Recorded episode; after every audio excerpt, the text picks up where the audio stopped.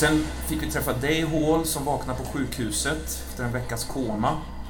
Eh, du går väl liksom lite grann in och ut ur den där koman. Men eh, när du vaknar så sitter ju Carlton vid din sida där. Ja. Han, han, har ju sprit med sig som du plötsligt bara känner att du måste dricka av. Just det. Ja. Um, ja, drabbad av ett beroende nästan, verkade det som. Det jag minns ännu starkare från den scenen det är ju att Carlton berättade ju för mig att min fru, hon lever inte längre. Nej. Men jag tog nog inte in det riktigt. Nej, inte medvetet i alla fall. Va? Eh, eller sådär. Det kändes ju som att du, för du fick ju en rejäl så att säga, reaktion på det, även om den liksom kanske slog in som en stumhet ja. till att börja med. Men jag, jag tog nog in det, alltså det sjönk in smärtsamt tror jag, men... Mm. Ja. För det var ju, för det känns som att det var någonting som hände mellan att, ja, Patrick och Mullen gör ju entré eh, mitt i det här. Först vill jag bara säga att jag, jag tyckte det var så eh, smärtsamt att höra dig Carlton försöka berätta det här för Hall som liksom... Eh, han var ju så fruktansvärt... Han var ju arg på dig liksom och han var ju... Eh, mm. Vet, han, det var ju ingen lätt publik där liksom. Nej, det var sådär. Den dagen blev ju mycket sämre på en gång, direkt efteråt också. Ja, ja visst. Men Patrick och Mullen eh, kliver in där och liksom eh, bryter, bryter det hela med hagelgeväret höjt där. Just det. var du Nils. Jag, jag, ska säga också, om jag sitter och blundar ja. så är det min nya strategi. Jag har så jävla svårt att koncentrera mig över Zoom. Jag har märkt att om jag blundar så är det lättare. Om ni tycker ja. att det ser konstigt ut. Sorry. Absolut. Ja. Eh, och om du inte svarar på över tio minuter så... Då, Börjar kanske... snarka. Sådana pushnotiser. Du sover Nils, du sover. ja, visst. Nej, men du, det var ju jävligt iskallt eh, Patrick. Du, din vana trogen känns det som. Du klev ju bara in där. Alltså, du var ju själv, det, det var ju ensam om den aktionen. Du bara bromsade in utanför sjukhuset, klev upp med hagelgeväret under rocken liksom, och drog med Carlton ut ungefär. Kom väl på sen att jag behövde Hall också. Ja, precis. Och det var det jag tänkte på där Hall, för att när han, när Patrick, när du kommer upp sen för andra gången, då står ju Hall i begrepp att kasta sig ut. Det är ju ren tur att Patrick lyckas slita in dig igen Hall, annars hade du fallit till döden. Ja, jag vill minnas att det var en chansning att jag försökte ta mig ut genom rutan utan att veta vilken våning jag var på. Så det var ju ett, ett lotteri på det sättet. Ja, okej. Okay. Minns vi varför Patrick var där? Jag vet att han hade en anledning, jag har glömt det. Eh, jag, jag, tänker att vi kommer till det. Det, det blir en liten bakgrund på Patrick eh, eh, så, så, som, som liksom förklarar läget. Men i korta drag så handlar det ju om att Patrick söker sin försvunna bror Christopher. Christopher Mullen då spelar rollen i Inifjord. Just det. Han som och, blev knäppt av... Av Abigail, ja. Just det. Förnedrad och knäppt Precis. Eh, och eh, jag tror att någonstans så har det börjat flytta upp till ytan att Carlton har dykt upp som, som eh, borgmästarens närmaste man och, och Christopher och borgmästaren hade en del affärer kan man väl säga, en del, eh, en del eh, saker, trådar som, som, som eventuellt kunde ge någon slags avkastning. Så jag tror det är därför Patrick tänker att Carlton kanske vet någonting om brorsans försvinnande. Helt enkelt. Eh, och du Patrick, du håller ju till i skogen. Du har ju ett safehouse där ute i Boston Forest. Eh, men vi, vi, vi, vi kollar igenom det eh, innan vi kommer till den, den scenen. Sen fick vi träffa dig Elisabeth som var uppfylld av en stor kärlek. Kärlekskänsla. Du gick hand i hand med någon svettstinkande karl där fluffig frisyr. Ja, just det. Det stämmer. En stig.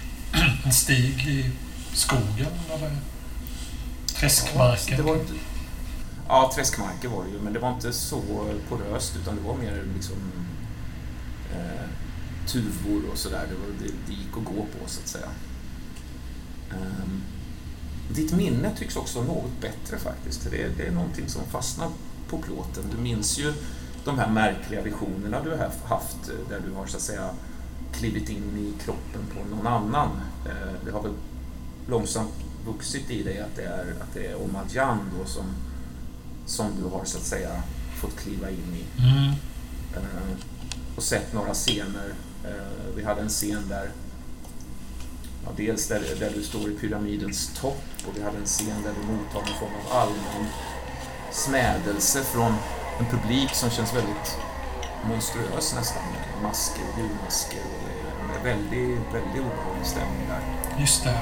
Och så fick, så fick vi möta dig i begrepp att gömma de här ritningarna till, till spegelfararen. De sista ritningarna som finns kvar. Just det, det var den grejen. Just det, jag klättrade upp för en stege i ett stort bibliotek, vill jag minnas. Just det, precis. Uh, och dina tunga steg där också, för varje ett som du tar av dem så det, får du också uppleva den här järnverken som Omadjan led av innan han dog. Va? På grund av hundratals felaktigt utförda portalresor. Ja. Eh, Eh, och du når väl egentligen högst upp på den här, någon stege där och lyckas gömma de här ritningarna innan så att säga, Omadjan störtar ner och krossas mot medan, medan liksom hjärnan exploderar, imploderar, jag vet inte, men, men liksom kapsejsar sådär. Eh, och en sak som, du, som Elisabeth då han, han noterar är ju de här det har ju funnits siffror i de här eh, visionerna. Vi hade fyra, vi hade sex och i den här sista versionen då så hade vi 19. Mm. Okay. Eh, sen fick vi, kom vi till dig Sally och Atepa som eh, gjorde försök att fly från källaren där. Och om han eh, gör så gott han kan försöka stoppa er där och, och sådär, men han verkar väldigt decimerad och svag. Eh, och den här lögnlådan som du Sally en gång delade med Om, den gick i spillror under, under en yxa som Atepa plockar upp där. Mm. Eh, och Om, han vädjade till dig Sally om att berätta vad den här dockan är. Han... Ja, men jag tror inte jag gjorde det. Va? Nej, det gjorde du inte. Gjorde inte. Jag litar nog inte riktigt på honom. Nej. Så vi stack väl därifrån och så besökte jag min... Visst tog jag med mig min pappa också? Ja, Atepa lyfter upp honom och eh, ni, ni så att säga lämnar, lämnar lägret med de här andra Shoktar-krigarna. Och det är, det är någon märklig, det är någon kärlek va, som har börjat stiga mellan Sally och Atepa, eller? Du höll om hans svettiga överarmar där och du, du, skulle precis kyssa honom också men, men Atepa han blev lite eh, fnittrig då eller? Han Ja men det är nog lite så ja. Så är det nog lite. Mm. Ja, jag vill minnas att Atepa liksom uppvisade tecken på att plötsligt bli lite tafatt, lite generad, lite osäker. Mm. På ett sätt som han inte är när han är liksom i stridsberedskap, om man säger så. så. Nej, just det. Just det. Några saker som du sa där, Teppa, var ju att dels att köttet är besegrat i det här lägret. Eh, och att Salvi har drabbats av den här köttfebern, som vi kallar det. Eh, en sjukdom som ni är immuna mot eh, på grund av att ni har, ja, på grund av seder och bruk som ni har liksom haft sen, sen barns, barnsben där ni, där ni till och med har konsumerat eh, saker och ting från interversum och, och så vidare. Mm. Då, att det har liksom skapat någon form av, av, immunitet där. Eh, men så sa du också att Shishpa kallar du att, att Sally är utvald av Shishpa. Ja. Eh, och det är lite nytt då. Eh, Ja, sen fick vi ju träffa dig Wilson, Ingefjord, där du står i bårhuset och kämpar mot impulsen att äta en smaskig liksom, bränd skorpa från den här skådespelerskan Gerda Steven som ligger där. Ja, så är det. Mycket märkligt. har vi drabbats av någon jävla konstig glupskhet. Liksom. Mm -hmm. Ända sedan den där förbannade tårtbiten kan man väl säga. Och sen eh, får vi också träffa dig, eh, Dr. Günther, du befinner dig för första gången, eller för sista gången, på ditt kontor där i den här oförstörda flygeln på Danver. Och du är där för att hämta din cylinderhatt. Liksom. Eh, på bordet så hittar du ett kuvert och ett paket som visar sig innehålla en, en parfym. Eh, heter den Nochenwelt? Eller något sånt. Kan den ha gjort. För den, det var ju den parfymen som du hade när du bodde i Berlin och när du träffade Helga. Just det. Hersch då. Eh, och den har du fått, fick du i present då av, av bröderna Abukade. Som du också eh, tar på då. Och lite pengar i det här kuvertet. Eh, du stoppar de här pengarna på dig och stick till tåget för du har väldigt bråttom där.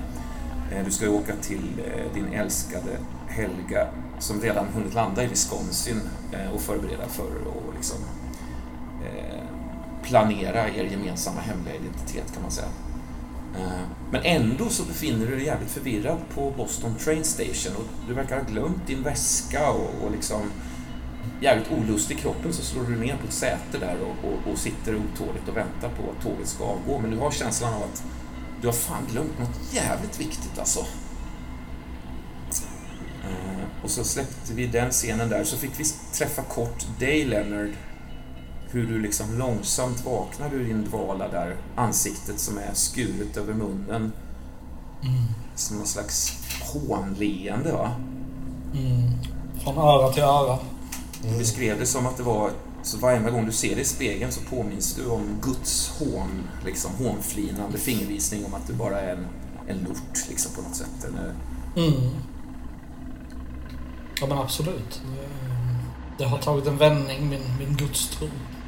Ja, du, du sa att du, du känner dig sviken av världen, att du hatar Debra för hennes svek, att du hatar Gud för hans tystnad kanske, eller för... Mm. Och du, att du hatar dig själv eh, också att Leonard hatar, hatar sig själv där. Mm. Så det är, det är jävligt tung Leonard. Ja men precis, någonting har ju hänt eh, och, och eh, det är kanske inte så att han har slutat tro på Gud men han har kanske slutat tro på en god Gud. Ja. Eh, det kanske snarare är liksom en, mm. en indifferent Gud, en Gud som inte bryr sig. Inte brydde han sig om mig i alla fall. Nej, just det. Och du är ju liksom eh, du är utan bostad och utan en enda vän i hela världen här ju när vi, när vi släppte dig där. Ja, så är det. På något sätt också lite egal till vilken riktning du skulle ta på något sätt. Mm. Bara stod någonstans liksom. Sådär. Eh, sen avslutade vi med att höra Douglas historia. Eh, Douglas tid, alltså konstnären. Eh, där han efter en, en cancerdiagnos Eh, då som han vi förstod skulle förkorta livet eh, inser att han inte kommer hinna till den här tidpunkten för öppnelsen. Eh, och han beslutade sig för att bege sig ner till märket i förtid eh, för att då med den här levande färgen måla av fågeln som äter sig själv, om den ens existerar. Eh, under hela sitt liv så har han förnekat egentligen både märket och fågelns existens och kanske likt du Sally eh, vad ska man säga, hänvisat till, till en någon slags galen sekt som han tillhörde som barn. Sådär. Men eh, allt sen han fått läsa det som Marion fann i vattentornet så är han inte längre en tvivlare, Douglas. Eh, och han beger sig ner där i januari. Han, blir måla, han målar ju av Summers en gång till där. Och det är den här tavlan som vi har hört om tidigare då, som blev så otroligt obehaglig. Eh, ja, men han beger sig ner i januari samtidigt som eh, Miss Lennings klass också förvirrar ner sig där. Han hör liksom något barn där, kom tillbaka, hör han någon, något barn ropa där. Eh, och när han väl tar sig in i inseglet ner i de här eh, illuminerade djunglerna så blir han förbisprungen av tre barn hand i hand. Och det är ju de här tre tjockta barnen då. Eh, och han liksom följer efter i deras kölvatten. Han märker att de här insekterna och andra liksom sniffande, lustiga mindre djur, att de skyggt viker undan för den här sammanlagda kroppsmassan.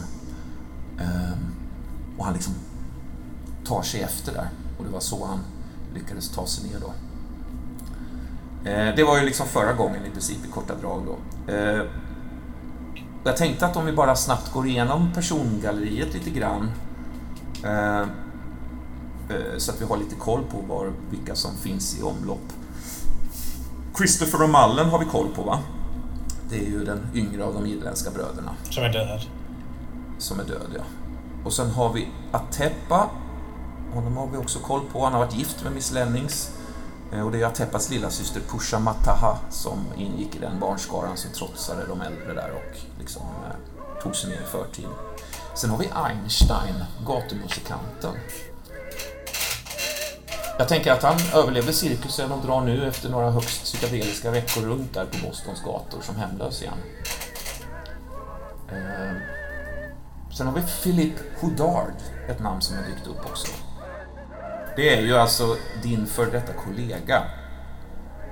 Eh, han, hade, han hade en romantisk affär med Franka. Det, det, det är jag osäker på om Carlton känner till, men eh, det var ju ni två så att säga som, som, som ni fick ett anonymt tips eh, om att några av patriarkas män skulle komma för att eh, eh, döda er helt enkelt eftersom ni hade liksom haft en, en eh, span på dem. Eh, och Franka hade någonting med det att göra för att hon, Hodard var minst sagt skärmad av henne. Ni övermannade de här angriparna, tog, tog ur dem var, var patriarken var gömd, tog er dit eh, och så att säga, grep patriarken med hjälp av... Ni, ni liksom, eh, var ju ett gäng då, poliser, mm. som skötte det där. Eh, vi fick reda på i någon sån här baksidestext att i och med att Hodard blev ju skjuten där. Ja, ja, okej, men du hänger med. Min gamla assistent. Ja, precis. Hål 1.1. Så kan man säga, exakt. Ja. Eh, Hål är kanske liksom Hodard 7.2 då, skulle man kunna säga. Mm. Hodard var ju... Ja, han hade nog en del eh, sidoverksamhet där. Det vet jag inte hur mycket som har liksom eh, dykt upp i, alltså så mycket som, har, mm. som Carlton så att säga tycker eller tror det. Men eh, ja. Nej, han är nog bara ett enda stort dåligt samvete vid det här laget. Ja, ja visst. visst. eh, vi fick i alla fall reda på att det var Franka som sköt honom eh, och att hon glömde sin sko där. Eh, och sen har vi Elmer Watts. Det är också du, Ingefjord. Elmer Watts, herregud. Uh... Elmer Watts är ju den här jäveln som, uh, som satt dit Leonard tillsammans med Lars Stensson kan man säga. Uh, vi har beskrivit honom som en man med ett födelsemärke. Du tipsade Einstein om att Leonard befann sig i cirkusen bland annat. Mm. Jo, jo, absolut. Ja, men då är, jag... är det min hyresvärd va? Nej, det är det inte. Nej, nej. Eh, utan Elmer Watts är han som du har råkat i, i luven på några gånger så att säga. Och eh, den här... Eh, ja, är det han som är skötare? skötaren. Ja, mm. precis. precis mm. Mm. Och han dök också upp i frum, frimurarna. Just Bland frimurarna där. Mm. mm. Eh, Just eh, jag har lagt eh, Elmer Watts i din mapp där, Ingefjord. Och sen har vi Patrick O'Mullen. Och då tänkte jag att vi kanske, om vi läser Patrick och Mullen så har vi lite, på, på, på, lite kött på benen där. Patrick och Mullen, duglighet T10, farlighet T12. Patrick, Heads and Tails och Mullen, singlar slant om allt. Alltid tre olika mynt i sin kavajficka. Ett som alltid visar krona, ett som alltid visar klave och slutligen ett som är perfekt avvägt och levererar oerhört varierade resultat. Tre stycken Peace Silver Dollars med Frihetsgudinnan på ena sidan och Fredssonen på andra. För Patrick är frihet och fred kontraster, inte av samma slag. Som krona och klave. Friheten att leva som man vill mot att ständigt vara omgiven av fiender, även under det bräckliga tillstånd som Bostons kriminella gäng betecknar som fred. Det är därför han gömmer sig in plain sight när han inte är fullständigt uppslukad. Lillebrorsan Christopher rörde sig i stan, knöt kontakter och skötte ruljangserna.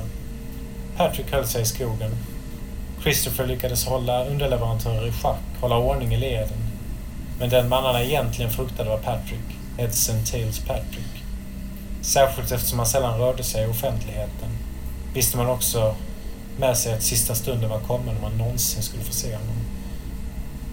Som varande den av bröderna som hela tiden hållit sig i skuggorna har Patrick ändå tämligen frekvent, ibland mitt på ljusa dagen, spatserat längs Bostons nöjesstråk. Detta privilegium har han Elia Casper att tacka för. Revisorn som av en slump delar Patricks tättsittande ögon, särskilt rundade näsa och omisskännliga haklinje.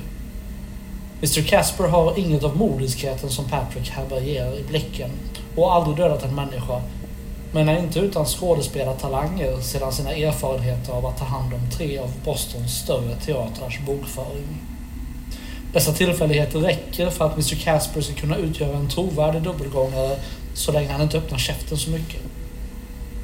Undantaget ett tillfälle då Casper av ren hunger skickat efter en pizza med salami höll täckmanteln på att ryckas undan då Patrick är omutlig vegetarian sedan en mardrömslik slaktupplevelse från barndomen. Ingen Ingefjord. Patrick kände dragningskraften svida. Så nära kom han antiversums hjärta. Inbjudan att ingå i cirkelns innersta krets var så lockande att Patricks själva smaklökar ändå drog en varning genom honom. Han vet att lyssna när något smakar falskt. Patrick lämnade cirkusen sedan han fick se en del rätt sjuka saker. Ett väldigt köttstycke, sexuella tävlingar mellan vanligt hederligt folk. Det sexuella drog till en början, men eh, snart smakade kyssarna beskt och samlaget kändes påtvingat, kärlekslösa, hjärtat tomt på allt utan begär. Patrick kan fly alldeles som cirkusen kollapsade. Chocken sitter i fortfarande. Tänkte åka till Florida på vinst och förlust, men allt som dagarna gick känns den idén ganska luddig. Som om köttäggets saft mattas av i honom. Allt som cirkusen hamnat längre bort i världen. Ja, men visst. Det var några otroliga upplevelser. Den eh, 22 juni ska han tänka på dem. Det som eh, så märkligt går att bli hans systrar och bröder under denna korta och förvirrade tid. Själv eh, börjar Patrick dessutom bli gammal, 48 år. Gammalt för den här branschen. Särskilt om man är den som satte Lucio Patriarca bakom galler. Eller rättare, såg till att polisen var redo den kvällen som patriarka beslutat sig för att mörda poliserna. Enda gången Patrick hjälpt en snut, men idag kan han nästan ha dåligt samvete för sin egoistiska baktanke. Eftersom Patriarka, som sattes bakom lås och bom den kvällen, straffade polismannen genom att misshandla dennes hustru och lämna henne längs vägrenen. Polismannen åtnjöt en del positiva rubriker. Tröstar sig Patrick med. Kanske ville Carlton hämnas detta, fått reda på O'Mallens inblandning och därför undanröjt lillebrodern Christopher med hjälp av borgmästarens hödlums. Mrs Carlton hade också fått tänderna utslagna av patriarkas vidriga guddotter Franka. En galen kvinna, minns Patrick. Han träffade henne bara vid ett tillfälle, erotiskt laddat. Men det räckte för att han alltid skulle sky den kvinnan. Hon hade mördat sin man, gick ordet också, skjutit honom i ansiktet. Hon var vacker, det måste man säga. Livsfarlig. Dessutom verkade hon ha en relation med Carltons kollega Hodard. Därtill också försökt snärja Patrick. Men se, den gubben gick inte. Patrick är vanligt hederligt jävla folk när det kommer till sedlighet. Inte perverterad som alla andra galningar. Inte perverterad som cirkusen. All makt och alla löften åt sidan. Om det inte ringer an i magen ringer det inte an alls. Patrick har Frankas kvarglömda sko i hyllan som en token. En pokal från stordådet att peta Bostons störste och själv kunna kliva i tronen. Hodard sköts av ägarinnan till just den skon, Franka. Patrick gillar att han har hennes sko. Det känns tryggt. Då haltar hon åtminstone om hon någonsin skulle hoppa fram ur skuggorna. Och skulle han någonsin träffa på henne igen så skulle han återbörda skon innan han också skulle sätta en kula i hennes ansikte. Sedan brodern försvunnit har Patrick sökt bland Bostons informatörer efter svar. Många är de diffusa typer som fått käken sönderslagen utan resultat. Men så steg en intressant sak till ytan. Den gamla polisen Carltons plötsliga uppdykande vid borgmästarens sida. Borgmästaren hade alldeles nyligen kontaktat Christopher kring flera illegala idéer på samarbete och Patrick minns att lillebrodern varit mycket exalterad över möjligheterna. Visste Carlton någonting om bakgrunden till gripandet av Patriarka? Att hans kollega Houdard kände till att maffialedaren var ute efter dem, men aldrig sa något? När Franka sköt Hoddard kunde både Patrick och Christopher Doran dra en lättnadens suck. Men om nu Carlton är något på spåren behöver detta undersökas. Och vet fyllegubben i så fall var brodern befinner sig, om han lever eller död? I så fall vill Patrick också veta det.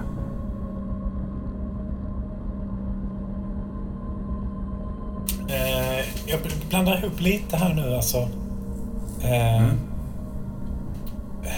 Den här kvinnan, Franka, vem är nu Franka? Franka är ju alltså eh, Franka Hook som eh, vi har fått följa. Det är hon ingick i Pesttion sen. Hon följde ju med i, i, i, i, i eh, cirkusen. Alltså hon, hon slukades ju i ägget. Det var ju, Ja, just det. Just det. eh, Virginia tryckte ju ner henne tillsammans med Arthur. Och, Så hon har dödat Carltons kollega? Hon sköt Carltons kollega i gripandet av Patriarka. Patriarka är hennes gudfar. Det har framkommit i texter om Franka där att hennes, hennes eh, gudfar är den här Patriarka då, som var liksom italienska maffialedaren i Boston under eh, flera år. Liksom. Slog hon ut tänderna på någon mer än... Precis. Vad fan hette din karaktär nu, Johan? Eh, någon mer än Virginia? Ja, hon gjorde ju det. Hon slog ut tänderna även på Carltons... Eh, Som satt på mentalsjukhus. Precis. Eh, och Patrick, han tror att Carlton vet var brodern finns, eller om han lever. Och det gör han eftersom han har fått, eftersom den här polismannen har dök upp som nära anställd borgmästaren, som då Patrick misstänker ligger bakom det här. Och skulle Carlton vara oskyldig, Eh, det är egentligen någonting som, som ni vet efter att eventuellt prövat då eh, Jareds emograf. Eh, vi, vi kommer till den emografen, tänker jag. Men jag, tror- jag tänker så här att om, om, om Carlton visar sig vara oskyldig, då, då kanske Patrick är beredd att förlåta alltihop eftersom han, han också har lite dåligt samvete över att... För häng med här nu. Alltså, om Mallenbröderna tipsade Carlton och Huddard eh, om att Patriarkas hoodlums var på väg till dem. Så de var så att säga medvetna om detta och därför kunde de övermanna de här och drog ihop ett posse, stack ut eh, och liksom grep Patriarka. Men det, det, eh, det, det, det Patrick och Mallen har dåligt samvete över är ju Patriarkas hämnd som sen slog in då, där, där Carltons hustru misshandlades. Och det var då hon blev galen. Det var ju... Ja, precis. Det var ju inte riktigt meningen. Liksom. Carlton var ju bara en, en bricka i det spelet. Liksom. Men nu, nu, är ju, nu är ju sökandet efter din bror det som är på, på, på agendan, så att säga. Eh, och du undkom cirkusens kollaps där med hjärtat i halsgropen och smet dina saker fullständigt, i stöpet. Eh, och cirkusen lyckades undkomma enligt deras plan vad det verkar. Och de är ju troligen på sin heliga quest nu någonstans i Florida. Liksom. Eh, och så har du då Frankas sko som en pokal där i stugan. Och är vegetarian sedan en traumatisk slaktupplevelse som barn. Jo, och sen använder du dig av din dubbelgångare ibland. Det är därför du har kunnat liksom röra dig fritt lite här och var. Alltså, eh, och det är ju liksom någon, någon, någon revisor som bara då är på pricken lik dig helt enkelt. Liksom. Mr Casper. Och jag tänker att du kan liksom vara fri och använda honom hur du vill framöver här helt enkelt. Eh, ja, precis. Ja, okej. Ursäkta, blev lite, lite mycket där. Men jag tänker att vi, vi, vi röjer upp här lite grann i Boston här nu liksom innan, innan eh, på något sätt något slags avslutande kapitel. Eh, Men jag skulle vilja eh, börja med dig, Leonard. Leonard Baldwin. Ja. Eh, vad har du för känslotillstånd i nuläget? Till största delen... Ehm, det känns inte som att det här stämmer. Nej, okej. Då kanske vi Ehm. inte... Då kanske vi inte. Eller alltså, man kan säga så här. Drivkrafterna är ju, är ju rätt. Mhm. Mm. Eh, drivkrafterna är korrekta. Det är själva eh, känslorna som känns... Jag vet inte. Jag kanske ändrar det till det. Men, jag, men som jag tänker mig att Leonard är just nu så känns han inte som att han var två i kärleksfullhet och två i glädje. Nej, nej. och mest känns- ängslig. Utan det är väl snarare i så fall eh, argsinthet och, Ja, och eh, mm. kanske ledsnad och sådär. Ja, visst. Ehm, men däremot så är det ju så korrekt att, att det finns ju inte längre något kärleksobjekt. Nej. Eh, alltså Boston har ju, det är någonting som har hänt med Boston de senaste veckorna. Vi har pratat om det tidigare, hur de här tre farsoterna som, som Virginia och eh, Jared släppte ut innan eh, de lämnade Boston.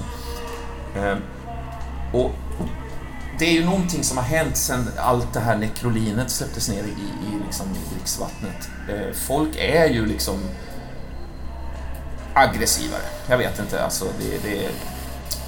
Och dessutom så har ju de här getingarna gjort att eh, aktivitet om dagarna har stannat av. Eh, de är nämligen väldigt aktiva i värme och slöa i kyla. Så på kvällarna är det ganska myllrande i Boston faktiskt. Då, då, då passar folk på så att säga, medan på dagarna är det i princip stendött. Eh, och du har ju dragit omkring här några dagar i, i Boston liksom. Eh, super du och sådär eller vad, vad, gör du liksom? Ja, um, det gör jag. Um, jag har ju inte direkt någon, någon inkomst att tala om. um, så, att, så att det jag dricker är väl av tvivelaktig kvalitet. Ja, just det. jag har inte blivit blind ännu i alla fall men det Nej. kanske uh, risken finns med långvarigt bruk av vad det nu kan vara jag hittar. Jag tror någonstans eh, vid något tillfälle att någon känner igen dig som, som eh, liksom, eh, Mr Mason då. Och att du kanske blev erbjuden en enorm mängd alkohol om du gick en match med någon figur liksom bakom mm. i någon gränd. Liksom, sådär. Sådana saker. Och, och det, är, det är klart jag går med på det. Mm. Det finns liksom... Vad har jag att förlora? Ja, just det. Jag tänker att du fortfarande... Alltså, du har, du har haft en dröm eh, som, har svårt, som du har svårt att skaka av dig och som du kanske går och liksom ruskar på huvudet eh, i dina mörkaste stunder för att liksom bli av med. Och det är en dröm om hur du liksom nästan som en andedräkt eh, Alltså din andedräkt flög runt i något slags enormt klockspel så här. Eh, och sen hur du faller, faller ner mot jorden igen. Eh, en väldigt, väldigt obehaglig dröm. Eh, hur, hur känns dina steg när du går där? Hur, hur ser Lennart ut när han, när han strövar i det här som jag tänker då luststråket, nöjesparkerna i Boston och sådär nattetid? För det är där vi stöter på dig nu, tänker jag. Nej, men han, han eh, ser väl... Han ser ju ut... Han är ju sig lik liksom fysiskt, förutom det här enorma eh, mm. ärret. Men, men det är någonting med hans uppsyn som inte är detsamma längre. Och jag tror att, att Leonard, sina fotsteg, sin gång, eh, den tänker han för det mesta inte på. Den är, den är vad den är tills han tänker på det. Men för det mesta så tänker han, eh, tänker han på, på Gud och på, på Satan. Och, och på änglar och på demoner och rättvisa och orättvisa och eh, Debra. Du minns eh, också fortfarande ögonblicket, eller det har kanske nått ytan, eh, när, när eh, det här mannen med skevansiktet eh, skar, skar först din hals, men sen hur du blir buren eh, bort i en, liksom, bland massa människor som om du är på väg genom den här spegeln faktiskt. Och sen plötsligt hur allt välter eh, och den här demoniska hattmannens tysta liksom fasanskri när en alligator 400 miles slår igen sina käftar. För det var det som hände där att eh, Ohm lyfte ekipaget och där ingick Leonard. Eh, men sen slog de här käftarna igen och då tänkte jag att Leonard eh, föll till marken. Liksom. Eh, Precis. Uh, um... Ja, men jag tänker att där du också upphittades sen och, och, och liksom lyckades. Mm. Jag tänker att du minns Hattmannens otäcka näsa som blev vitt som ett finger i den här, i den här smärtan som han upplevde. Mm. Det är svårt att tänka tillbaka på det där och veta vad som är riktigt och inte riktigt. Mm. Jag var ju mm. liksom nästan död. Så vad, vad, vad det där var sant eller inte. Jag, jag, jag i mitt, i mitt liksom rätt så dystyma tillstånd så tänker jag ju att allting som var eh, obehagligt och negativt var nog troligen sant. Ja. Eh, eventuella minnen av lustfyllda stunder mm. i cirkusen. Ja. De var nog snarare en dröm.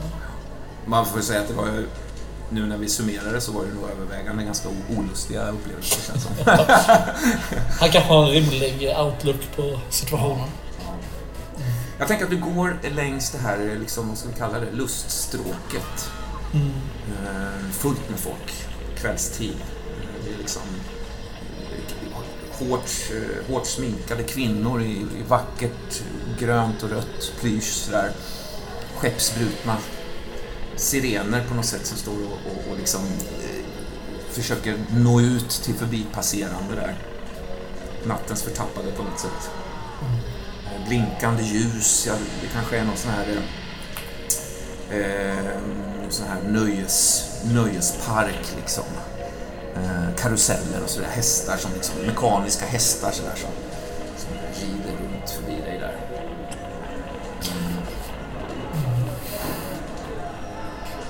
Kommer, kommer Leonard ihåg eller vad som hände med Deborah? Eller vet han vad som hände med Deborah? Det är en bra fråga. Eh, jag, Följde hon med in eller liksom... ah, ja, hon fick ju halsen avskuren fick hon. Ja, just det. Eh, Och det tror jag att du såg. Jag vill minnas att Renner såg det och att det var också Ja. därför du var så, eh, vad ska man säga, uppgiven där i det läget. Jag, jag, jag tror nog faktiskt att du, att du hann se det. Mm. Nej men jag, eh, jag precis, jag vandrar runt de här och jag, jag går runt... Jag går runt från, från liksom kvinna till kvinna som står eller går på de här områdena. Och, och liksom när jag kommer fram till dem så, så böjer jag mig ner och, och tittar dem i ansiktet under hattarna för att se om Ja, Finns det, finns det några märken i ansiktet? Är det, är det, finns det några ärr, precis som jag? just det. Ehm, finns det en chans att hon har överlevt precis som jag? Så jag, jag tror jag går runt och skrämmer nog en del av de här för jag kommer ganska nära liksom Ja. decimeter och andas. Ja, visst, visst. Liksom, tinnerartade ångor i ansiktet. Så jag tittar efter eventuella skärsår i ansiktet. Ja, visst. Det bara, Från kvinna till kvinna bara sjunger i dig av, av, av frustration och, och, och sorg och hat och, och liksom förvirring. Då. Gång på gång så, så blir du ju besviken. Du ser ju andra kvinnor, liksom, ansikten. Men det, det blir nästan som en... Eh, jag vet inte, du liksom swipar, swipar en efter en där som inte stämmer överens med, den, med det ansiktet som du letar efter. Men eh, Precis, och det blir... Eh, jag blir... ehm, Jag hojtar liksom lite aggressivt mot ett par som, som skrattar i närheten. Liksom. Eh, något ohörbart eh, i deras riktning. Ja, jag, visst. blir, jag blir provocerad av andras, andra pars glädje. Du får en rejäl knuff också av en, en rätt stor karl som, som eh, tillsammans med sin, med sin eh, flickvän passerar liksom. eh, Ganska omotiverat eller sådär oprovocerat. Men, Ja, Jag, jag, jag, han stannar upp och vänder sig om. Han, han stannar upp och vänder sig om eftersom han eh, liksom, nästan som om det är du som har knuffat till honom. Liksom. ja, jag, jag är ju lite, lite ostadig får man säga. Så jag, jag går ju ner på knä liksom. När jag blir tillknuffad för jag är inte liksom med Nej. på det riktigt. Nej. Ja, ja, men då, Men- bara, men- då, då fryser han nog bara åt det liksom, och fortsätter där. Ja, nej det... det jag, jag reser mig liksom rätt så mödosamt och, och borstar på något helt onödigt bort gruset jag har på, på Ja. knät. Ja. Eh, och sen så eh, plockar jag upp en sten som ligger där och sular den i... i försöker träffa nacken på, på Ja, mannen. okej. eh, ja, men vi kan slå en... eh, Eller träffar du? Missar du? Jag, jag tänker att jag missar men jag träffar hans eh, flickvän. Ja. Du ser det på avstånd då, liksom, hur, hur den här stenen träffar henne i bakhuvudet där och hur hon liksom faller fram och han, du vet, förvirrat kollar sig runt. Men vad fan, var kom den ifrån liksom? Ja, jag skrattar till högt. Det här var ju liksom inte vad jag hade tänkt mig men det var ju nästan roligare. Ja.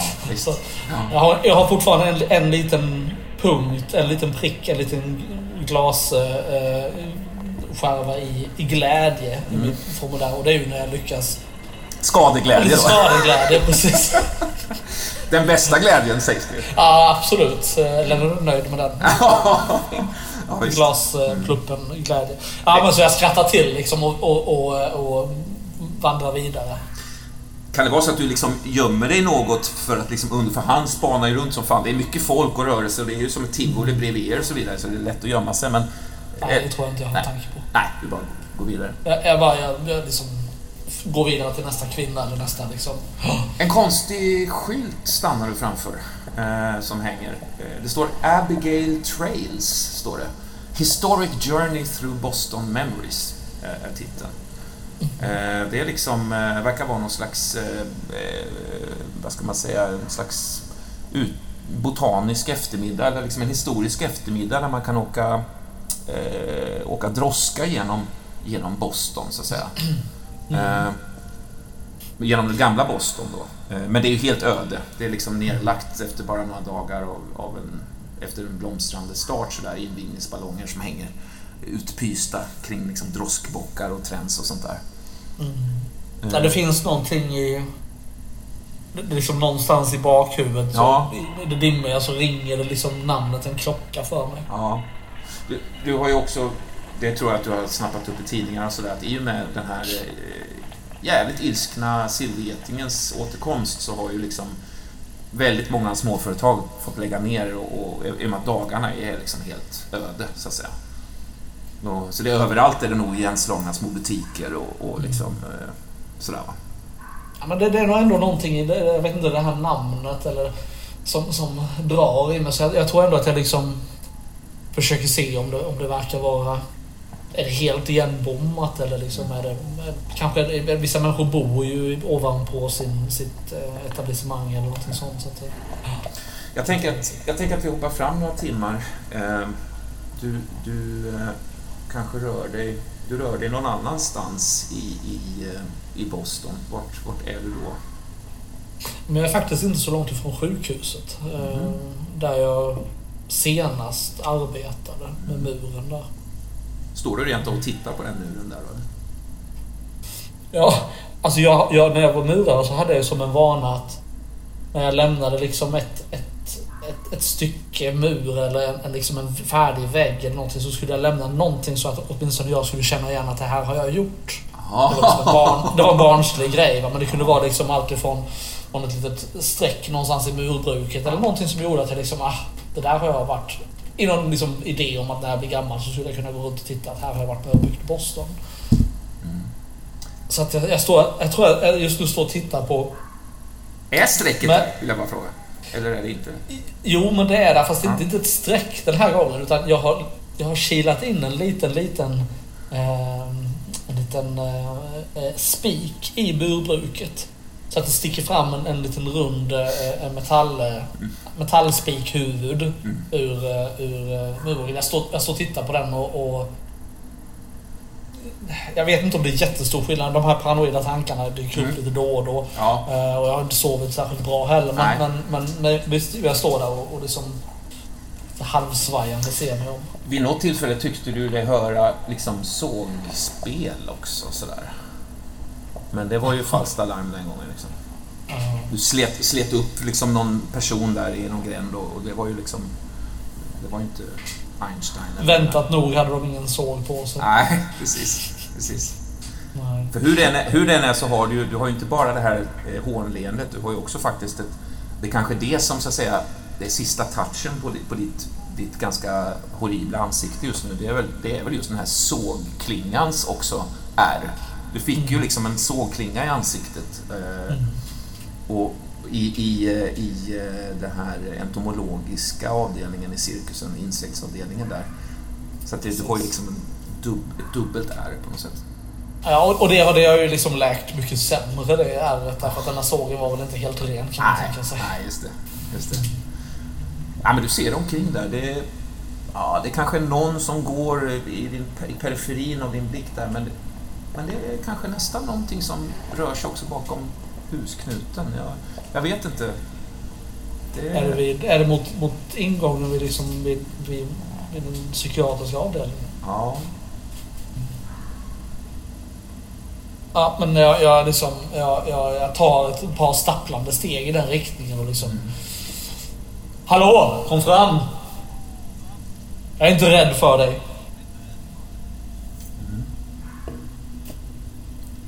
Du hör ju att det liksom skrapar till lite där. Men ingen kommer fram. Nej, jag, jag går med ganska...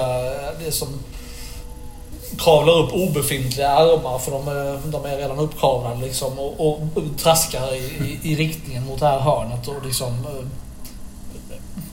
på en, på en, en, en, en full mans maner så hojtar jag lite otydligheter i hörnets riktning.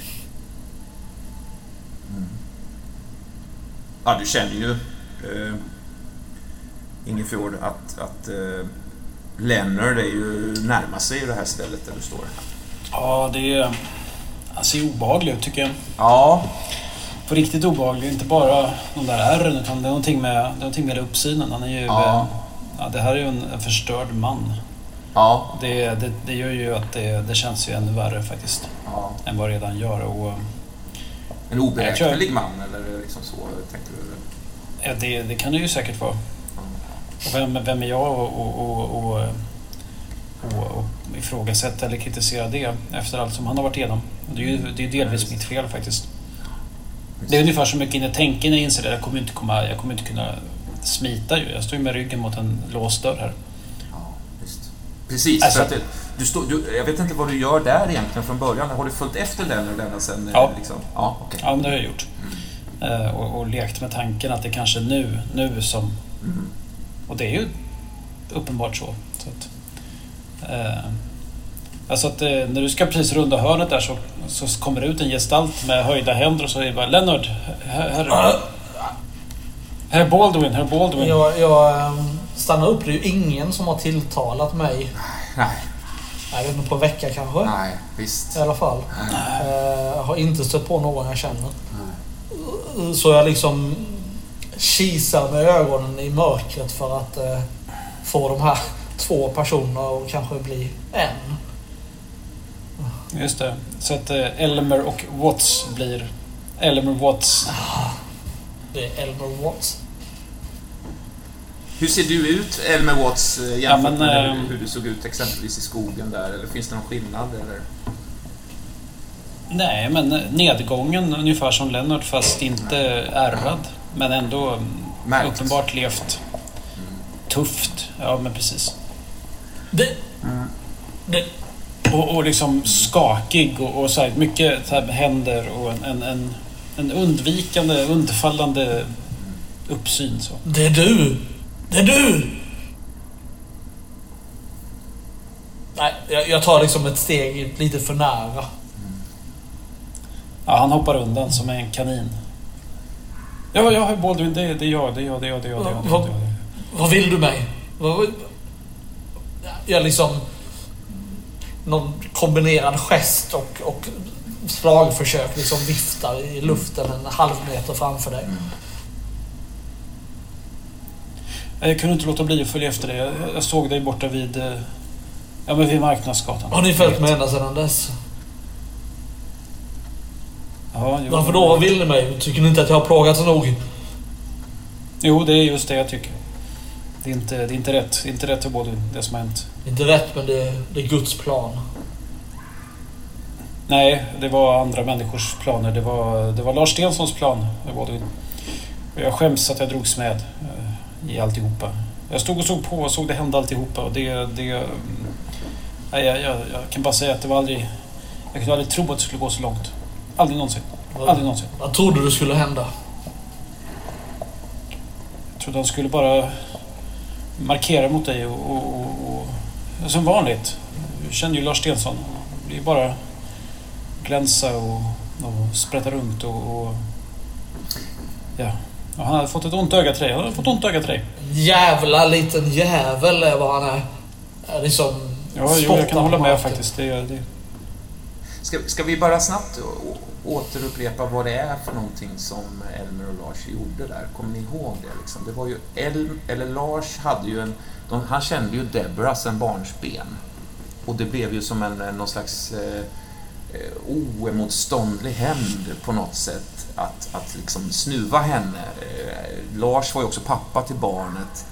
Eh, och det var ju ni två som, som plockade upp Einstoffer efter matchen och såg till att han var så att säga så misshandlad att, att liksom Leonard skulle troligtvis få liksom problem av det då. Eh, det, det är väl det ni har gjort. Liksom. Leonard känner ju inte till eh, att, att det var du och Lars Stensson Elmer som, drog, som, som kickade skiten ur Einstoffer. Och Leonard känner inte heller till att... Jag behöver nog också liksom en liten uppfräschning Mm. i när, när Leonard senast träffade Elmer också. Alltså i princip eh, i, i frimureriet. Det Ja, var ju sista det. gången. Sen, sen så drog, sen var ni ju, ja, i, i, i cirkusen också stötte ni på varandra med något till, för du, du knuffade bort honom, låt mig vara där vill jag minnas. Eh, alltså Leonard knuffade bort Elmer där då. Och sen fick vi ju den scenen då när, där Elmer tipsade Einstein om att Leonard finns där inne och liksom Go get him ungefär. Det är han som har slagit ihjäl din bror Einstein. Det var ju det, det, var ju det sveket, eller det var ju en oskön grej. Men det vet ju inte Leonard om så att säga. Men jag tänker om Elmer nu... Ja, just det. Så han skyller på Lennart fast han gjorde det själv. Ja, precis. Så, så för, ur, ur min synvinkel så är han verkar vara en skitstövel men jag vet liksom inte hela... Nej, lite Allt, så ja. att det är värre än vad jag tror så att säga. Nej, Nej. precis. Nej. Ja, okej. Ja, men, det, ja, men visst, jag är med. Jag är med. Okej. Ja, Mr Bålund, jag... Ja, jag måste erkänna, jag var med från början i allt, allt skit som har... I så gott som allt skit som har hänt. Jag, jag, jag har kunnat följa det. Jag har varit med. Jag har varit med. Vem, vem, Jag är så himla... vem har du varit? Jag är så himla ledsen för det. Det är, det som att kugghjulen snurrar och han försöker få det här att gå ihop på något vis. Vem, vem är det som... Vem har du varit med? Det var en riggad match. Einstoffer. Det var riggat. Har, har, Ja, jag var med. Det var Lars Stensson och jag. Vi, vi tog hand om det efteråt. Och varför, varför, varför gjorde du... Varför gjorde du så här? Du hör din pappa Leonard som liksom... Eh, nåden Leonard, nåden. Liksom, eh, när, du, när du drevs av liksom, eh, hatiskt eh, begär att slå ihjäl Lars Stensson där liksom. Eh, eh, Jag vänder mig om som om jag pratar med, liksom med honom. Vänder mig till min högra sida. Det finns ingen nåd! Och, och så vänder jag mig tillbaka och, och, och äh, gör ett utfall med, med min äh, en gång i tiden i alla fall lokalt kända höger knytnäve äh, mot Elmers ansikte. Eh, då slår vi eh, din farlighet mot Elmers duglighet. Min farlighet är en T10. Mm. Elmers duglighet är en T6 vill jag minnas. Jag slår en åtta. Ja, jag såg en sexa, det hjälper inte mig. Ah, du får ju en jävla käftsmäll. Eh, Jag tänker att du får en T6 i, i skada, Elmer. Eh, Mm.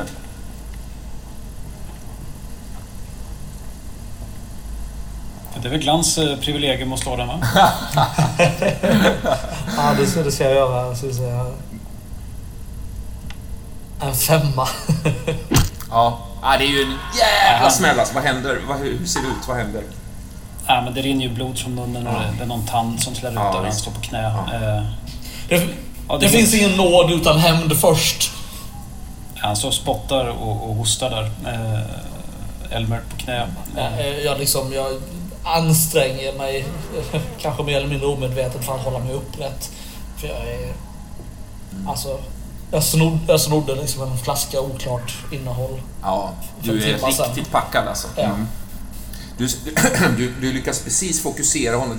Han ser ut som en, liksom en liten hare där han liksom kryper runt på, på den här gräsmattan. Liksom. Det är svårt att fokusera på honom på något sätt. Han är eh, blod, blodspår i gräset där, men liksom, det är flera av honom på något sätt. Vad har du, vad har du, eh, vad, vad, vad har du gjort av allihopa? Vart är, vad har du gjort av, vad har du gjort av eh, Stensson? Vart är Stensson?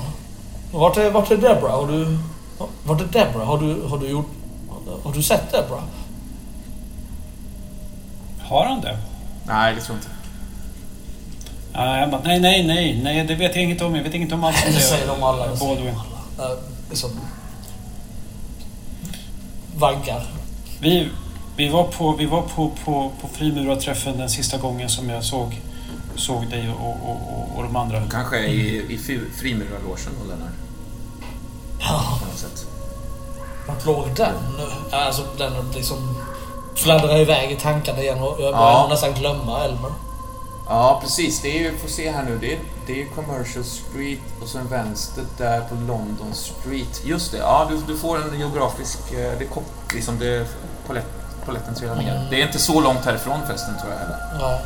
Jag, jag gör liksom en ansats till att snurra runt på platsen för att liksom ta mig i rätt riktning. Men, men eh, fastnar med skosnöret under liksom den ena foten och dråsar liksom i backen som, som, Ja, utan att ådra mig någon skada. Men liksom, ja, nej, visst. eh, mer än mitt, mitt ego.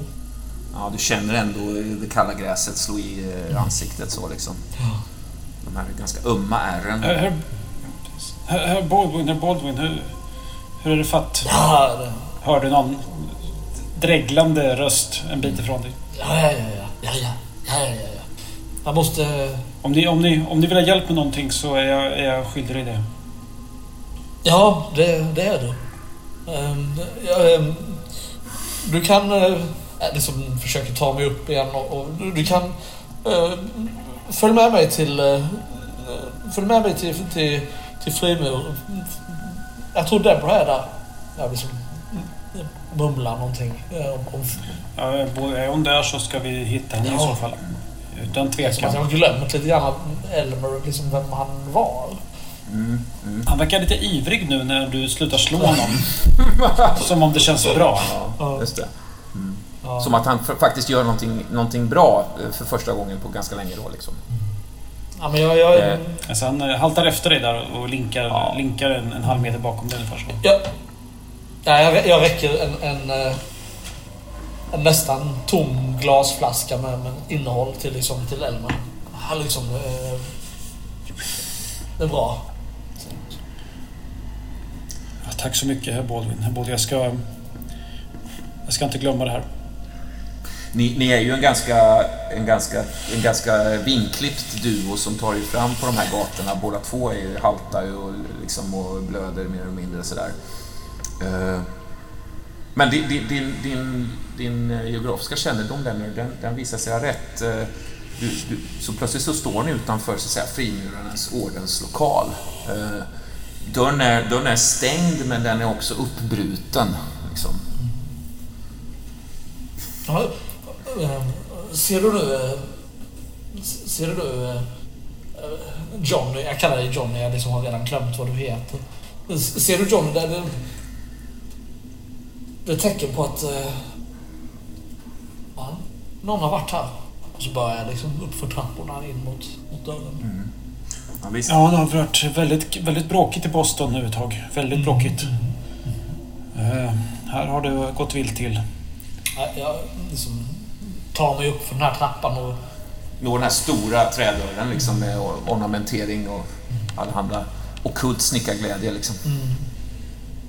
Det är säkert någon som vill att stjäla. Ja, ja. Eller det måste vara polisen kanske när de... Har stått så sedan dess tror du? Jag vet inte. Du öppnar dörren där. tänka- Det är svårt att tänka Eller? klart. Ja, jag, jag, lägger liksom en, en, en axel mot och, eh, och den liksom sjunker in i, i lokalen. Kommer in i det här, ja, letar igenom så att säga gar- garderoben och, och, och liksom eh, entrén där och så vidare. Upp för den här stora trappan till själva eh, festsalen där. Eh, som när du kliver in där, det är en stor lokal, den är tom på människor, olåst. Eh, eh, det ligger liksom intorkad blodsoppa, eh, alltså det ser ut välta bord och dukar och det ser ut som ett blodbad faktiskt på något sätt. Eh, Stolar och ligger på omlott liksom. Eh, Du minns ju själv när polisen gjorde razzia där och hur ni alla liksom strömmade bort mot den där mot så att säga den övre våningen då, på biblioteksvåningen och de här gömda, gömda vägarna då, eh, eller korridorerna. Eh, Du ser någonting faktiskt, eh, Leonard, eh, på, kort, på så att säga, vad heter det, honnörs, eh, honnörsbordet, heter det så? Eh, Det är någonting som flackar till där. Det verkar liksom brinna något ljus Jag, jag, jag, jag liksom börjar ju uh, traska där och, och liksom... Se, ser du? Jag sa ju att hon skulle vara här. Deborah. Ehm, Är, är du säker på det här Baldwin? Det ser väldigt... Det ser Jag, jag, väldigt jag, jag ser inte att det lyser där borta. Ja, liksom. Eh, Ja, jo, jo, jo. Mm, mm. Du ska se att eh, här är en uh, ledtråd. Ja, det du finner Lennart, det, när du väl kommer fram där på det här honnörsbordet, det är nästan som någonting som ser ut som ett, nästan ett altare. Det är liksom två fotografier föreställande de, de här två högsta eh, Bostonbröderna, frimurarbröderna. Eh, A. Albany och E. Groby. Eh, och det ligger snapsglas, kross eh, av, av glas på golvet. Eh, tappade medaljer och så vidare. Du ser någon glimmande tappad medalj en bit bort eh, också sådär. Eh, Det verkar som att båda de här två dog i cirkusbranden och liksom sörjs här på något sätt. Det brinner fortfarande ett ljus som är bara, ja du vet, den sista, sista eh, flämtande lågan sådär. Nej, boss, det ser, det ser konstigt ut. Mm, det, jag tror inte Deborah skulle tända ljus för, för de här två. Det glimmar faktiskt av medalj, en medalj som ligger borta vid eh, uppgången till biblioteket och någonting annat. Det känns som att eh, spåren från alla dessa frackklädda herrar leder ändå uppåt. Liksom. Jag, bara går i den riktningen. Du vet Johnny, du kanske har rätt. Hon kanske inte är här trots allt. Men, men ah, det är bättre än att sova under, under en tidskrift.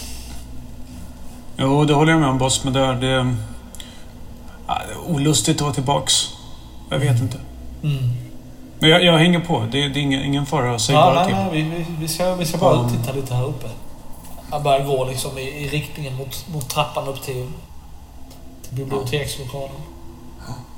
Eh, du når upp till själva biblioteket och du ser ganska med en gång den här träpanelen precis vid ingången där, som, där den hemliga väggpassagen till tunnlarna under Boston så att säga börjar. Och den gången som ledde genom, genom eh, den här övergivna tunnelbanestationen och, och senare då Antiversum. Den står ju öppen, liksom det är ett svagt susande ljud tror jag som förbinder den med, med de här långa gångarna.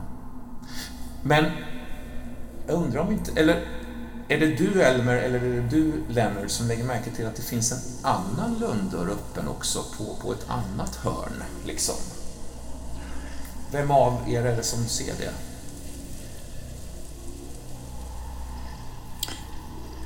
Hörru boss, det, det var ju där som vi sprang va? Men vad är det där för någonting? Det har inte jag sett förut. Kolla, kolla, kolla där borta. Kolla där borta. Jag försöker fokusera Alltså- liksom. Ja men till, till vänster där. ja, det, det var där vi gick va? Nej, var, nej vi gick här. Ja, där, vi- där vi står nu. Visst var det här vi gick? Ja. Och det där är någonting annat. För det där har inte jag sett. Jag, jag har inte sett det där förut. Det, Det är nytt. Eller, det, det visste inte jag om.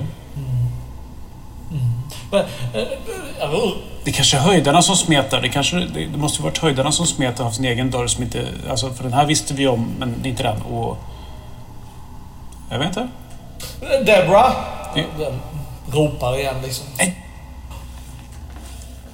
Vi, vi, vi borde kolla. hör du Debras? Lennart, du hör Debras röst eh, svara dig där på avstånd. Du har gjort det vid något tillfälle innan också.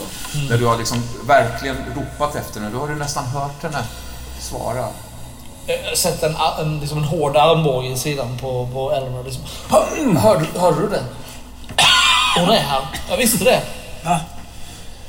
Eh, Hör, hörde du? Säg att du hörde. ja, det, det var något som lät. Ja, hon, hon, Var det inte det? jag, jag börjar liksom gå i vart jag tror att jag liksom riktningen som det här kommer ifrån. Jag håller 22 steg bakom. Det, det här är en konstig situation. Hur ser lönndörren ut? Hur den är, är den liksom gömd? Eller vad, är det någonting man fäller ut? Eller vad är det som gör att ni ser att det är en, liksom en lönndörr där? Ja, men visst var det väl så att, att ähm, Lönndagen, vi gick genom en, en panel i väggen.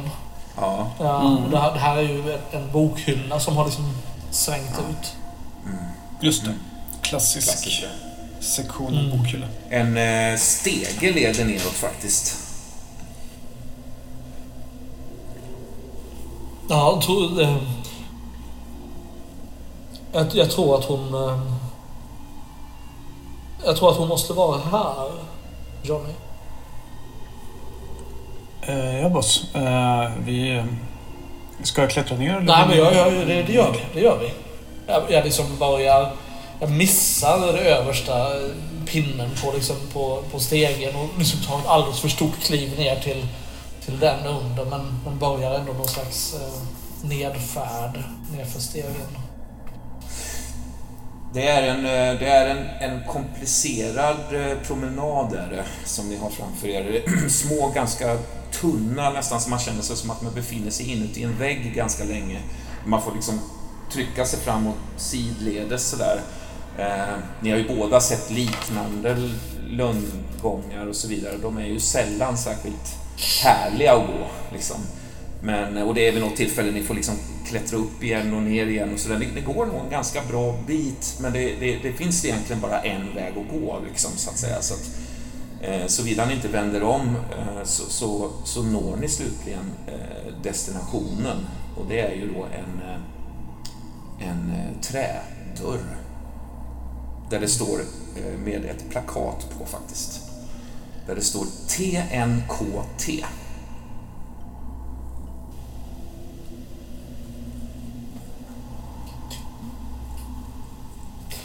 Teenage Mutant. Nej. ja. Eh, eh, har, har, du, har, har, du, har, du, har du varit här innan? Nej, verkligen inte. Nej, jag har aldrig varit här. TN, TNKT. Nej, jag, liksom eh, bankar plötsligt liksom i, i dörren. Ja, Plötsligt ljudet eh, liksom slår, er, slår emot er. Du bankar en gång och inser att dörren är öppen. Den flyger upp med en smäll. Liksom. Nej, Jag är inte liksom riktigt med på det så att jag följer liksom med ett steg in genom, genom dörren och ser mig omkring.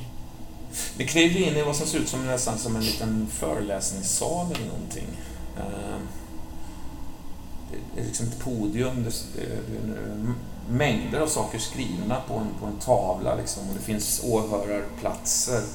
Ni kliver väl ut antar jag i någon, i någon liknande eh, panelsituation eh, eller kanske till och med ett, eh, ett, ett, ett, en, en bokhylla eller någonting. Men så att säga, ni kliver ju ut ur en lönndörr så att säga. Va? Mm, mm. Eh, ni ser alla möjliga ord här på den här tavlan. Eh, liksom regenerering, eh, rootwork, eh, liksom, eh, det, det står massa olika saker där. Eh, har du, Black Remembrance står det eh, understruket på något ställe. Har du... eh, Har du... eh, Har du varit här innan?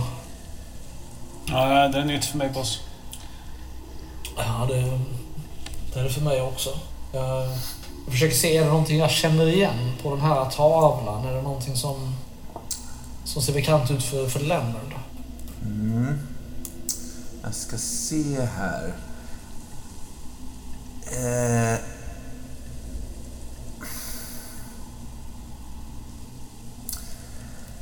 Hmm. Det är ju svårt att komma ihåg vad, vad Leonard kan ha plockat upp. Alltså. Det är Men- svårt för Leonard att komma ihåg också. Ja, eh, men visst, alltså det, det, det står alla möjliga saker som har med, med liksom... Eh, vi befinner oss ju nu i The New Correction Templars ordenslokal. Och det här, den här föreläsningen handlar om... Man kan säga att den använder de här händelserna i Interversum som grund för att förklara känslosvamparna, köttägget och rootworkens samarbete. Va? ett, ett medicinskt skeende på något sätt. Det är liksom en redogörelse för när Aziz återuppväckte Jared och mor Ann och hur de så att säga med hjälp av att kombinera eh, eh med hjälp av att mata de nyligen avlidna med rena köttbulor eh, och, och, men också att, att, att, att återbörda minnet eh, genom Eh, att äta sådana här så kallade minnesäpplen, Black Remembrance, och kan då så att säga liv, ja, det, det är en beskrivning av hur de har lyckats återbörda livet hos en människa som nyss har dött, så att säga.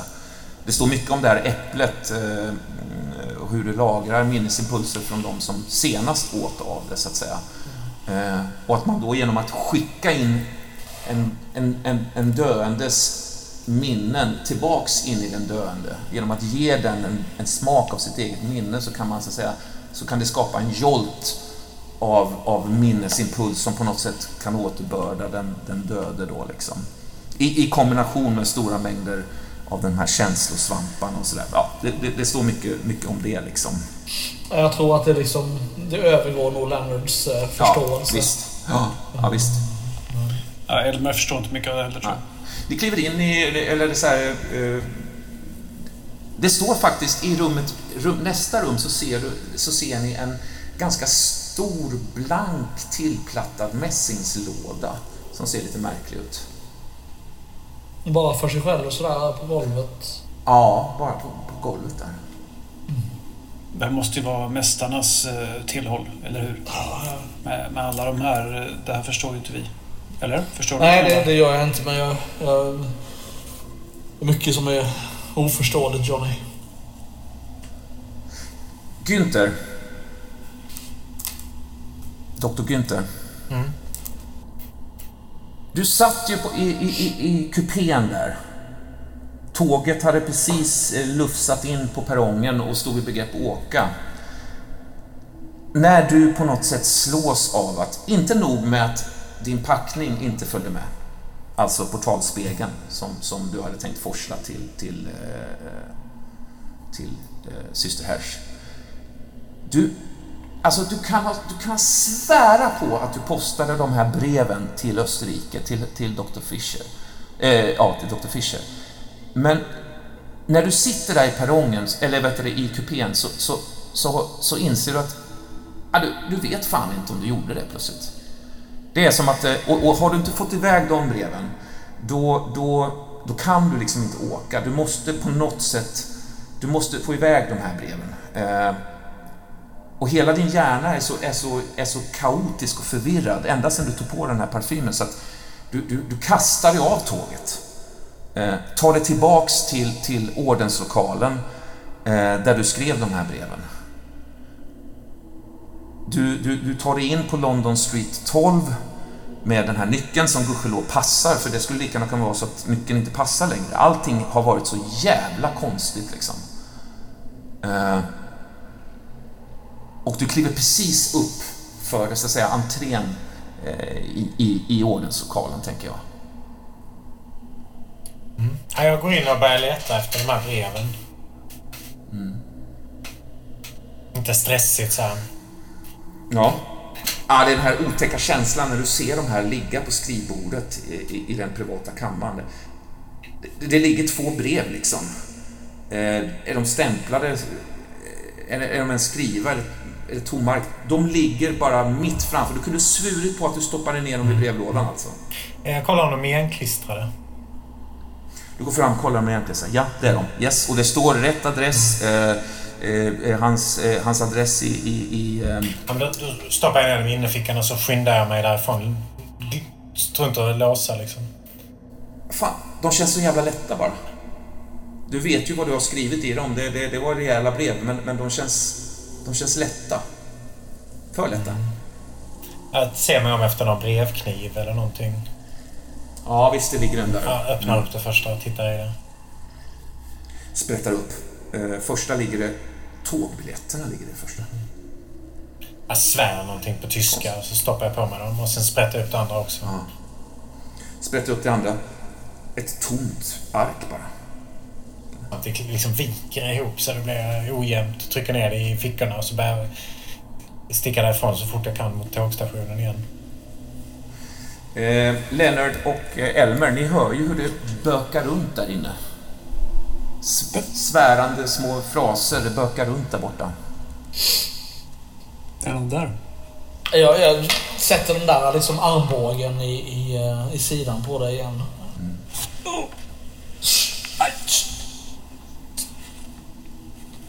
Hör, hörde du?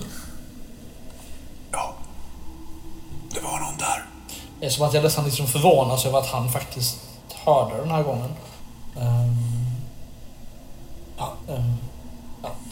Jag, försöker liksom... Jag inser, på något plan inser jag liksom, jag börjar kanske nyktra till, jag vet inte, men på något plan inser jag att, att Deborah är nog inte här. Uh, här har ju liksom inte jag heller varit tidigare, varför skulle hon vara här? Så att alltså är det någonting annat som för sig där borta.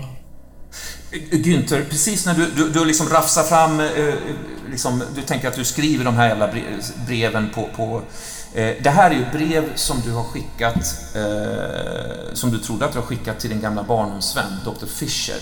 Eh, men när du, när du sitter och plockar fram, eh, fram eh, liksom brevpapper och, och, så vidare så, så ser du att i, i, papperskorgen ligger det också två stycken ihopknugglade alltså papper. Jag tar upp dem och, och, och mm. ut dem på bordet. Geschätzter Freund, dies sind zweifellos seltsame, mysteriöse Zeiten, in denen wir leben. Und tatsächlich wird viel an Licht kommen, das zuvor im Schatten lag. Sie werden sehen, was wir erreicht haben und welche erstaunlichen Menschen bereits onekligen märkliga, mystiska tider vi lever i. Och sannerligen ska mycket komma i ljuset som sedan tidigare legat i skuggan. Du skulle bara se vad vi har åstadkommit och de fantastiska människor som redan uttryckt intresse för denna starka nationalistiska buren. Tack för ditt stöd och för er ordens ekonomiska bistånd till denna sak.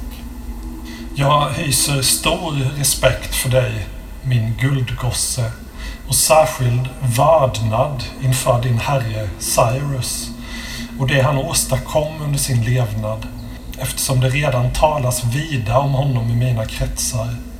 Även om de må vara och på detta är vi naturligtvis högerligen stolta, ytterst exklusiva. Cyrus livsgärning må leva vidare långt efter det att hans lekamen förmultnat och hans texter intresserar oss mycket. Eh, mina vänner kallar Cyrus vision för magnifik och sann. Och utifrån det dokument som du skickat gällande de primitiva indianstammarnas uträkningar kan man slå fast att de måste ha fått sin information från högre ort. Ty en eh, gudomlig visdom faller inte på primitiva halvapor utan att komma uppifrån. Eh, min kära vän som sedan länge drivits av de esoteriska ambitionerna har innan uttryckt sina tankar om en port ner och studerar ivrigt millenniekalendern för att se om han får samma resultat som ni. 1926 står inför dörren. Högt värderade vän. Tänk om vi skålar in nyåret i en annan värld, du och jag. Antarktis eller Arktis. Det är dock frågan. Er amerikanske vän Bird är mycket gott redskap för att nå dit vi vill oavsett. Håll hårt i honom. Men det tycks ni ju redan göra. Jag ser fram emot att ses i verkligheten igen. Sist var vi bara pojkar. Men jag gläds mycket åt att vi fortfarande har kontakt. Tvillingsjälar må ha oceaner mellan sig men själarnas bro sträcker sig längre än så. Er alltid trogne Heinz Fischer. Aber die Seelenbrücke erstreckt sich weit darüber hinaus. Immer treu, Heinz Fischer. Det andra brevet är kortare, skrivet eh, i en ton som, som, som du nu minns, Günther, när du läser det för andra gången. Det är som att du har förträngt det här brevet på något sätt. Eh, det ligger ihopknucklat i någon form av vredesmod där. Alter, tiefgeschätzter Freund. Glaube mir, ich habe wirklich alles versucht, aber weigert sich unserem Anliegen Beachtung zu schenken.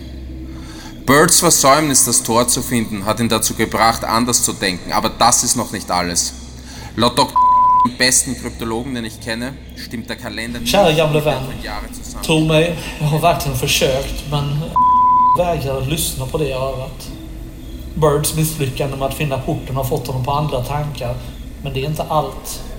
Enligt herr den bästa dechiffrerare jag vet, stämmer inte kalendern med de dokument som Jared sammanställt menar att anteckningarna innehåller en felberäkning, antingen gjord i modern tid eller redan av din avlidne herde. Oavsett är företaget alltför kostsamt och farligt för att kunna genomföras nu, varför ni är ensamma får företa er riskuppdraget. Det finns ingenting jag kan göra i nuläget, gamle vän, och jag hoppas ni förlåter mig. För egen del svävar jag mellan era kunskaper och min överordnade suveränitet och allt däremellan är ett myteri bestraffat av döden. Men uppdraget går iväg och om inte, Återvänd till Wien, sammanstrålande mig och mina bröder. Din vän, Heinz Fischer. Möge deine Mission von Glück begleitet sein. Und wenn nicht, kehre zurück nach Wien, damit du dich wieder mit mir und deinen anderen Begleitern vereinen kannst. Dein Heinz Fischer. Doktor Günther, när du, när du liksom återigen läser det här svaret, det här ganska nedslående svaret, så, så hör du också att det knallar till i, i föreläsningssalen. Ja, Jag knölar ihop papperna, slänger dem i papperskorgen.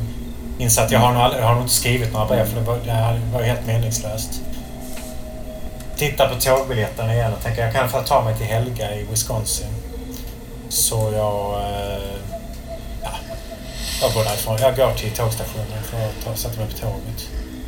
Eh, Men, men Günther, du, du, du hör ju hur det knakar till från, eh, från föreläsningssalen liksom. Eh, Det är som att det är någon som står där inne liksom. Borde jag vara intresserad av det av någon anledning? Nej, det är mer om du blir rädd liksom, eller om du... Ja, men jag känner, har jag något vapen med mig eller något? Ja, men det har du kanske. En liten pistol. Ja, men då drar jag upp... eh, Jag har en liten eh, enskottspistol liksom. Mm, mm. Eh, ropar in sådär. Vem är där? Jag ramlar in i rummet mer eller mindre. Jag lyckas hålla mig på fötterna men, men liksom... Hack i häl. Med eh, Elmer. Eh, bredvid mig. Hack med här. Ja, precis. Känner jag igen de här filurerna?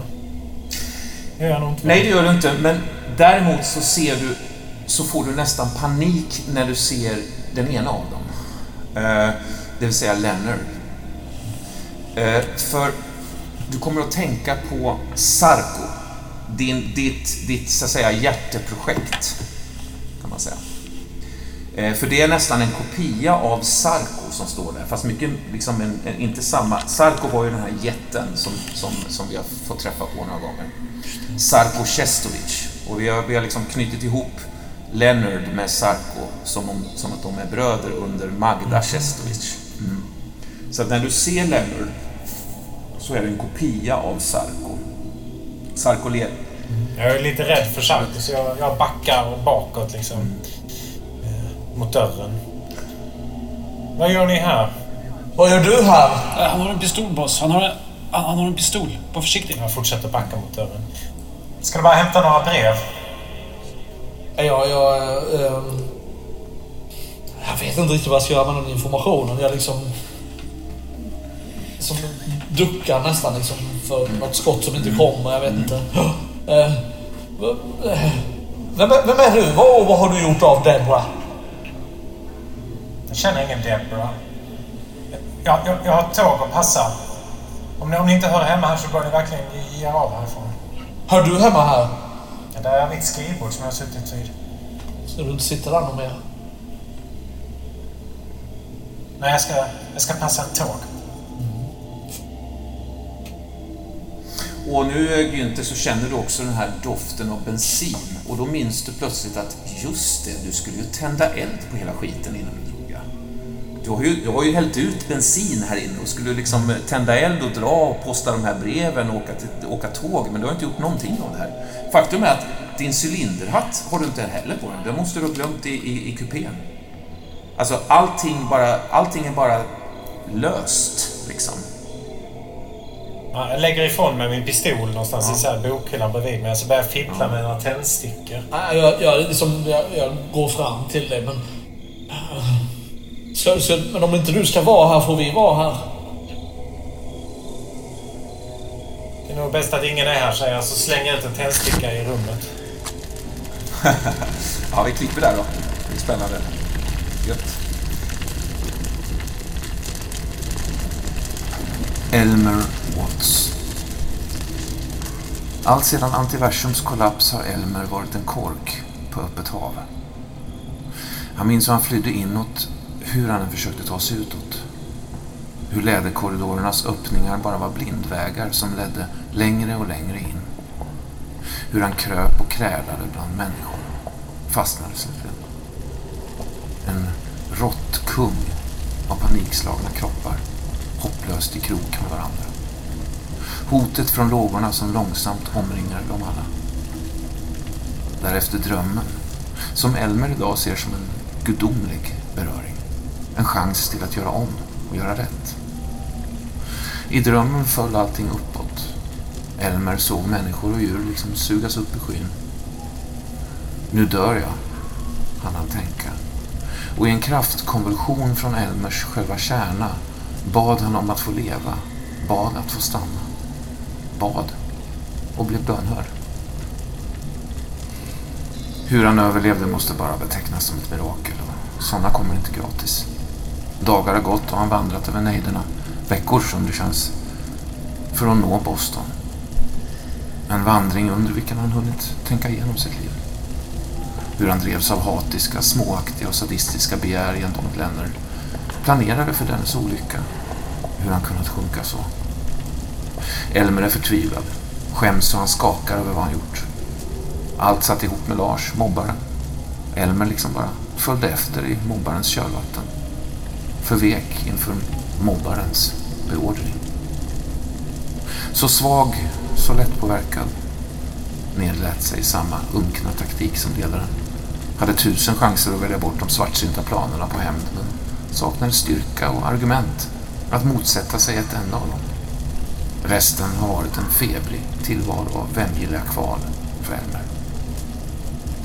Nu, i detta nu, känner han att förlåtelse är enda utvägen. Ifall den finns honom att få, vill säga. Om det vågar han inte ens be. Han har sökt efter Leonard med ljus och lykta, fått berättat att han överlevt. Men de nattliga gatorna är fulla av människor. Tusentals ansikten. Alla lysande av olika begär eller plågor. Elmer vill botgöra, men räds samtidigt sin bödel. Det är natt. Hamnkvarteren kokar av tveksamma aktiviteter.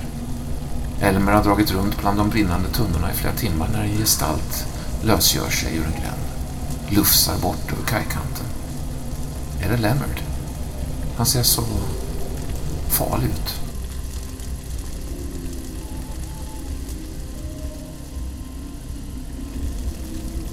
Patrick O'Mullen alltså. Ja. Du hann ju fly innan cirkusen kollapsade och så vidare och chocken sitter i och sådär. Uh, nu har det gått ett tag liksom. Din bror är borta. Du har lyckats fånga upp, uh, plocka upp uh, Carlton och Hall. Jag tänker att ni har misshandlat dem ganska hårt i ett par dagar. Alltså placerat dem ute i stugan där. Männen börjar nog bli lite trötta sådär.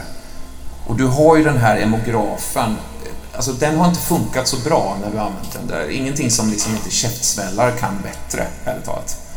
Mm. Är det en sån sanningsapparat, eller vad är det för något? Ja, det verkar som det. Man spelar en... en, en, en det, det, det, är en sanningsapparat, eh, vad ska man säga, konstruerad som en grammofon.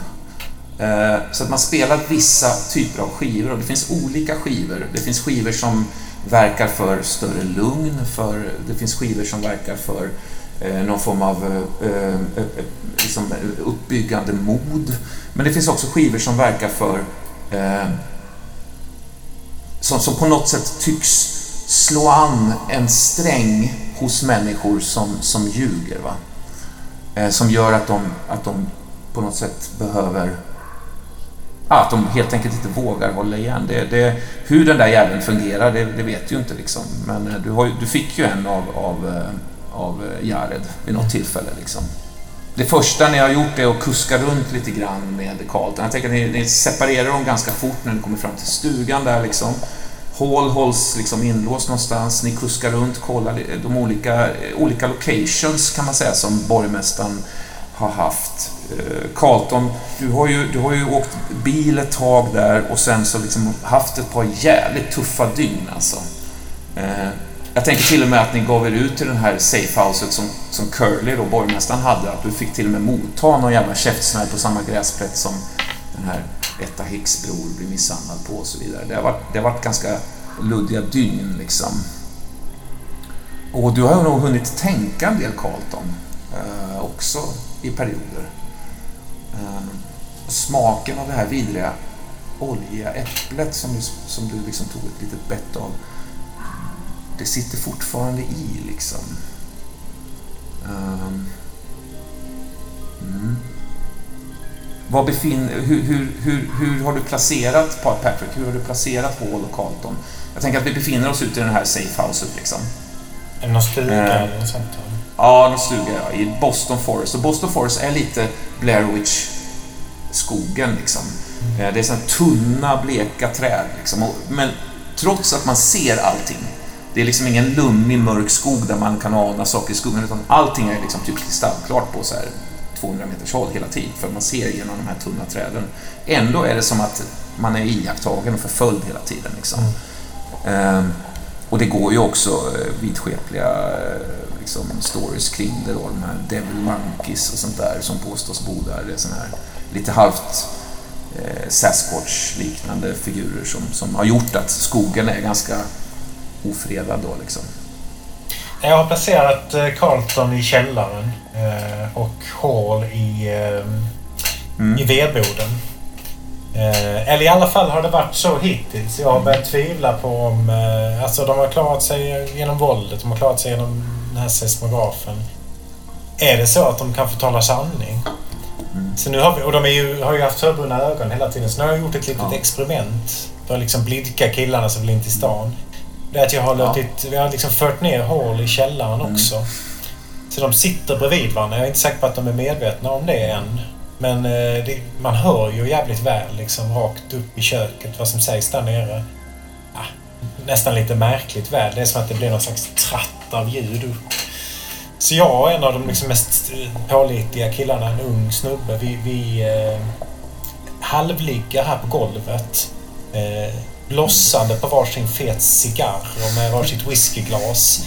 Knäpptysta. Vi har liksom Ja, skickat ut alla så att de inte ska ge ifrån sådana signaler. Så Nej. de andra pojkarna är liksom och drar runt ute i skogen. Det hörs gevärsskott ibland som blåser av och garvande och så. Så vi liksom ligger här och väntar som, som två gubbar på liksom en dynamitkubbe som kan smälla när som helst. ja, ja, visst. Och eh, alltså det, en, det en har fått ur Carlton, det är ju liksom platser som han har träffat Curly på och så vidare. Det är liksom typ, det, det har han, han har berättat ganska mycket om samtal med Curly och liksom sådär, mellan smällarna liksom sådär. Men det är ju liksom ingenting som har gett någonting. Jag tror att eventuellt har det, är det några mannar ute och, fort, och letar en, en, en location som han har nämnt liksom. Det har, det har börjat sjunka. Jag har börjat tänka att jag tror Christopher är död. Och jag tror faktiskt inte Carlton Ja. vet om det. Men det här är liksom sista försöket. Eh, Så jag har redan börjat liksom dels sörja och dels fundera på hur fan ska jag släppa Carlton på ett värdigt sätt. Paul bryr jag mig inte så mycket om. Han är liksom en bifigur i det här. Nej. Mm. Eh, Hall, Ja, Alltså, du hade ju en väldigt märklig dröm där eh, som gjorde att världen plötsligt känns lite mekanisk till sin natur. Kommer du ihåg det? Och att män, människans, människan är liksom förslavad under den här största maskinen, den här Mm. klockan. ja. ja. Jord, jordklockan på något sätt. Och vi har också gått till det här, Mm. klockan tickar, klockan går när du inte förstår. Just det. Ehm, hur, hur har du, alltså du har väl säkert mottagit en del smällar och så, men hur, hur har du reagerat på dem? Eh, Vad, är, vad befinner du, hur mår du just nu liksom? Ja, jag var ju väldigt, väldigt illa däran redan på sjukhuset. Alltså när jag lämnade sjukhuset. Jag hade ju... Det var ju en enorm ansträngning för mig bara att ta mig fram till det här fönstret som jag skulle ta mig ut ur. Det var knappt så jag klarade det. Ja, just Eh, Efter dess har jag ju... Ja, jag har blivit misshandlad ju. Ja, Eh. De har ju stått där i vedboden med vedträn, alltså slagit på mig med slump, slumpmässigt på olika ställen på kroppen. Och där har jag suttit i min eh, ljusa sjukhussärk som är det enda jag har på mig. Så jag är i princip nedbruten. Ja, Det har ju varit rätt Ja. kallt där ute i vedboden också. det är stora blodfläckar kallt på, mitt, eh, sjuk, på min sjukhuslinne. Eh, och jag, jag har nog själv tappat koll faktiskt på vilka delar av min kropp som fungerar. Jag vet inte riktigt om jag kan stå eller gå eller vad som är brutet och så. Det. Och i huvudet har jag ju hela tiden ett tickande av en klocka. Då. Starkt. Som jag inte förstår om det bara är inuti mitt eget huvud eller om det faktiskt finns en stark, stark klocka här nere i källaren. Det, det är något störande med hastigheten på det här tickandet. För att jag tycker ju mig minnas hur liksom en klocka går sekund för sekund. Ja. Men det här tickandet går bara lite, lite snabbare. Och det är något väldigt... Det, det tär på mig. Alltså det gnager. Den, den där lilla hastighetsökningen. För att klockan tickar, klockan går när du inte förstår. Och när den då Ja. tickar och går på ett sätt som är liksom hastigare än normalt och du fortfarande inte förstår så klart att det känns stressigt. Ja, Ja. Du vaknar till där i något ögonblick liksom. Eh, ser Carlton sitta avsvimmad bredvid dig. Liksom. Han är helt eh, ögat igenmurat liksom. jag tror jag ändå liksom väser mot honom eller halvt viskar så gott jag kan. Liksom. Carlton. Carlton. Carlton. Carlton. Uff, Carlton, du, du, du har haft en sån jävla skum dröm alltså, när du, när du växer. Eh, eh, det är liksom en komplex dröm där du diskuterar med Hall som om han var med vid det här tillfället. Vem som egentligen sköt Hodard, så att säga. Eh, och Patriarka sa ju att han, han...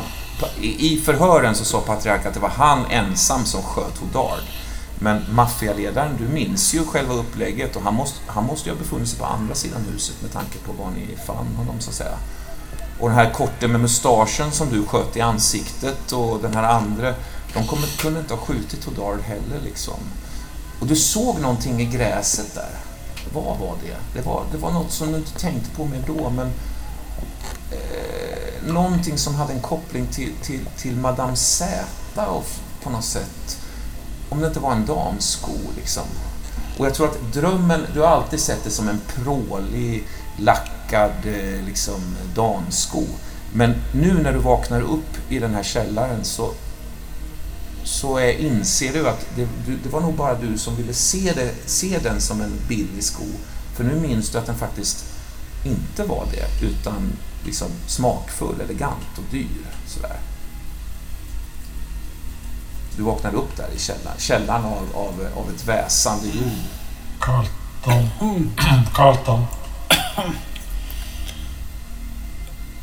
Åh, Carlton. nej, jag vet, jag vet verkligen inte. Jag, jag, jag träffar inte honom på jättelänge. Jag, jag, har berättat det här så många gånger nu. Jag vet inte vad som kan ha hänt. Det-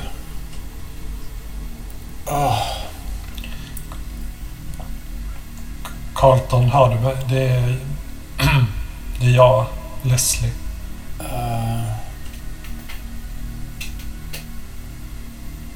Åh, Ka- Kan vi vrida på huvudet så vi ser varandra? Eller? Ja. så. Ja, Men- det tror jag. Men, men kanske att, att Hall sitter snett bakom dig, Carlton, så att först är det bara en röst i ett, i ett litet rum. Är det upplyst här nere, Patrick, eller, eller finns det något ljus, eller har ni liksom... Tanken är väl att de ska prata sinsemellan, va? Se om det dyker upp något. Jag tror inte att det finns något ljus. Jag tror, tror att det hade varit lite för obvious.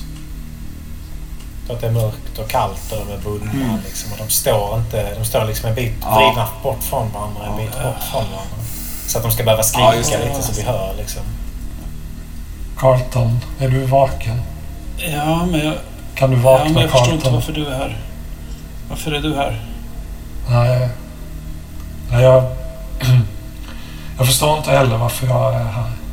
Jag har, jag har mycket, mycket ont, Carlton. Jag, jag tror jag... Jag tror jag dör. Jag tror det är ditt fel. Har de, eh, har de eh, förhört dig också och slagit dig? Ja. I... I vedboden. Okej. Med veden. Ve- ve- Vet du någonting om det här de frågar om? Ja, men jag, jag vet inte vad vi är. Jag vet inte vilka de är. Jag vet inte vad de vill veta. Uh, Vet, kan du berätta detta för mig? Vet, jo, men han, är han killen, vi- vilka är de här killen som, som dök upp där med, med gevär. Det är ju en av de irländska bröderna. Och Det måste du ju veta vilka de är. Du vet om Mullens. Eh, den som inte brukar synas, det är han. Han är den värsta av alla. Det, Ja, är det han, han med... Det är något med ögonen där med honom. ja, Det, brukar man inte säga det? Han, ja, och det är ju både det, de sitter tätt. både det ena och det andra. Han, eh, han letar efter sin bror och han tror att jag vet vart han har tagit vägen. Ehm, de hade ju massa grejer för sig med borgmästaren och för att jag jobbade för honom, ja, du förstår. Ehm, jag vet inte fan faktiskt. Ja, just det. Just det, Carlton. Du jobbade ju för borgmästaren. Jag hade inte så jävla mycket att välja på om man säger så. Men jag ska fan säga att jag träffade ju inte dem där tillsammans. Eh, Det var mycket skit som hände men eh, men eh, jag vet inte om Mullens bara var smart nog att inte vara där eller om han faktiskt inte var inblandad. Jag vet inte. Men, men de, de såg jag faktiskt inte av.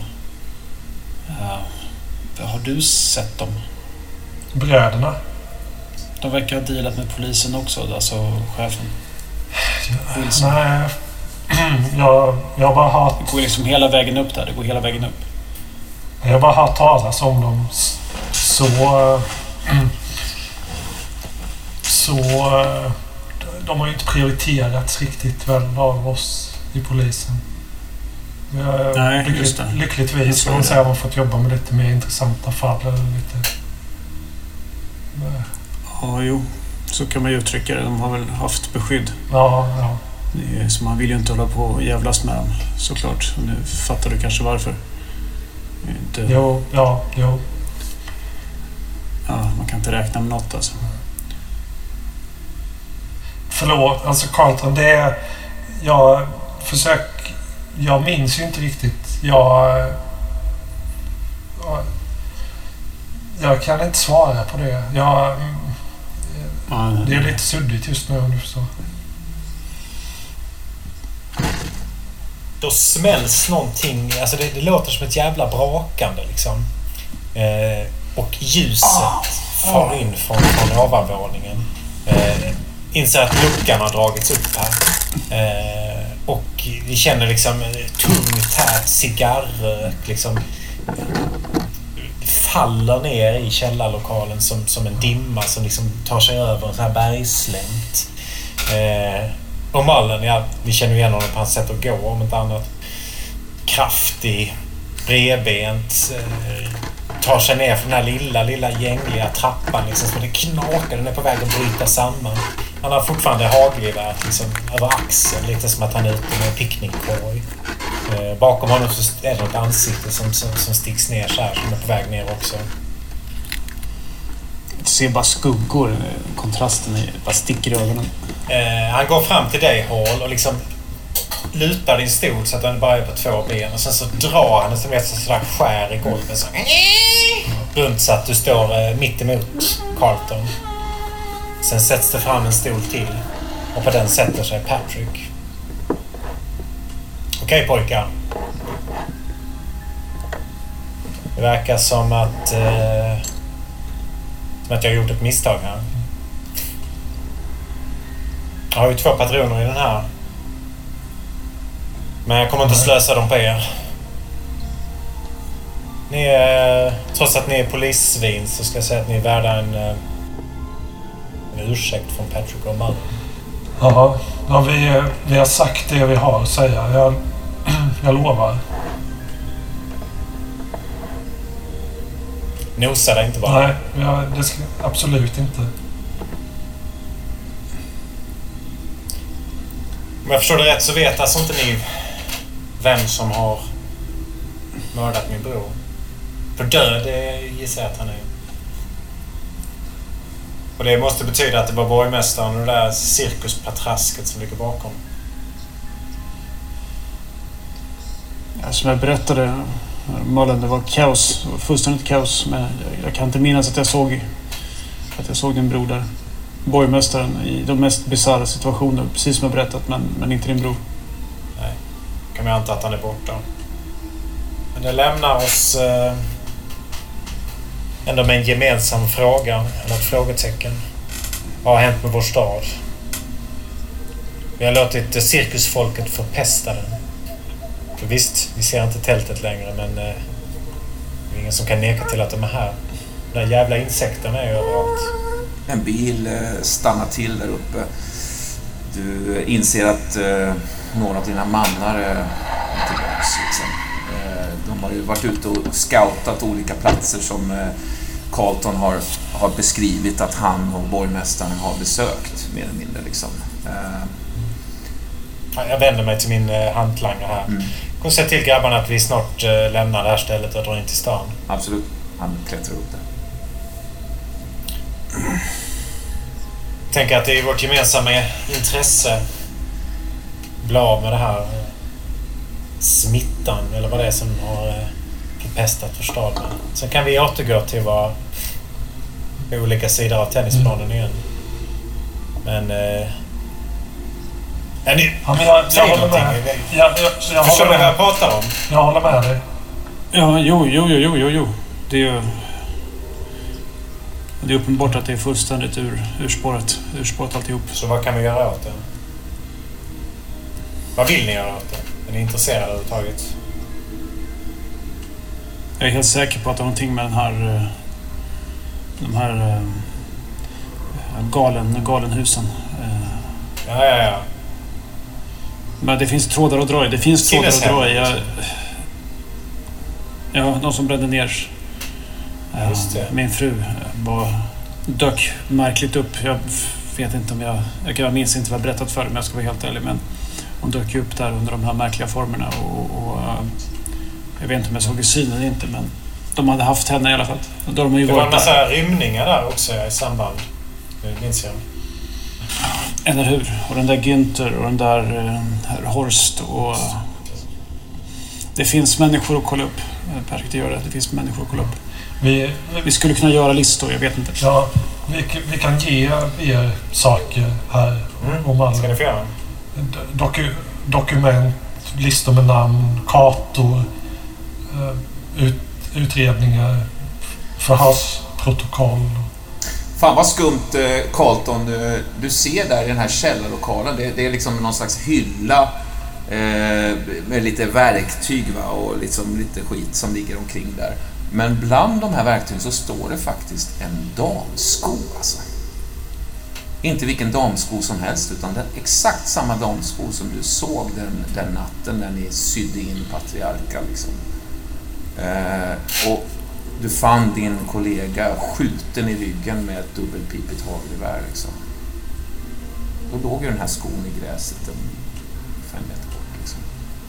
Jag, ja, ja, jag stelnar väl till sådär och... och, och men det, det tar nog en stund innan det sätter sig faktiskt. Väldigt förvirrad just nu. Ser du det här Patrick, att han så att säga noterar eh, Ja, Frankas jag får slå en tärning och se om jag ser det.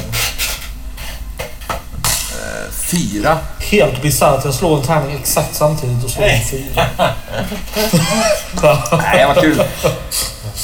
Ja, men då, då, då, tror jag att, eh, då tror jag att jag ser det. Du ser hur han liksom noterar din, din pokal där. Det var hon som sköt din eh, kollega. Haft lite dåligt samvete över det, men jag tog hennes sko i alla fall.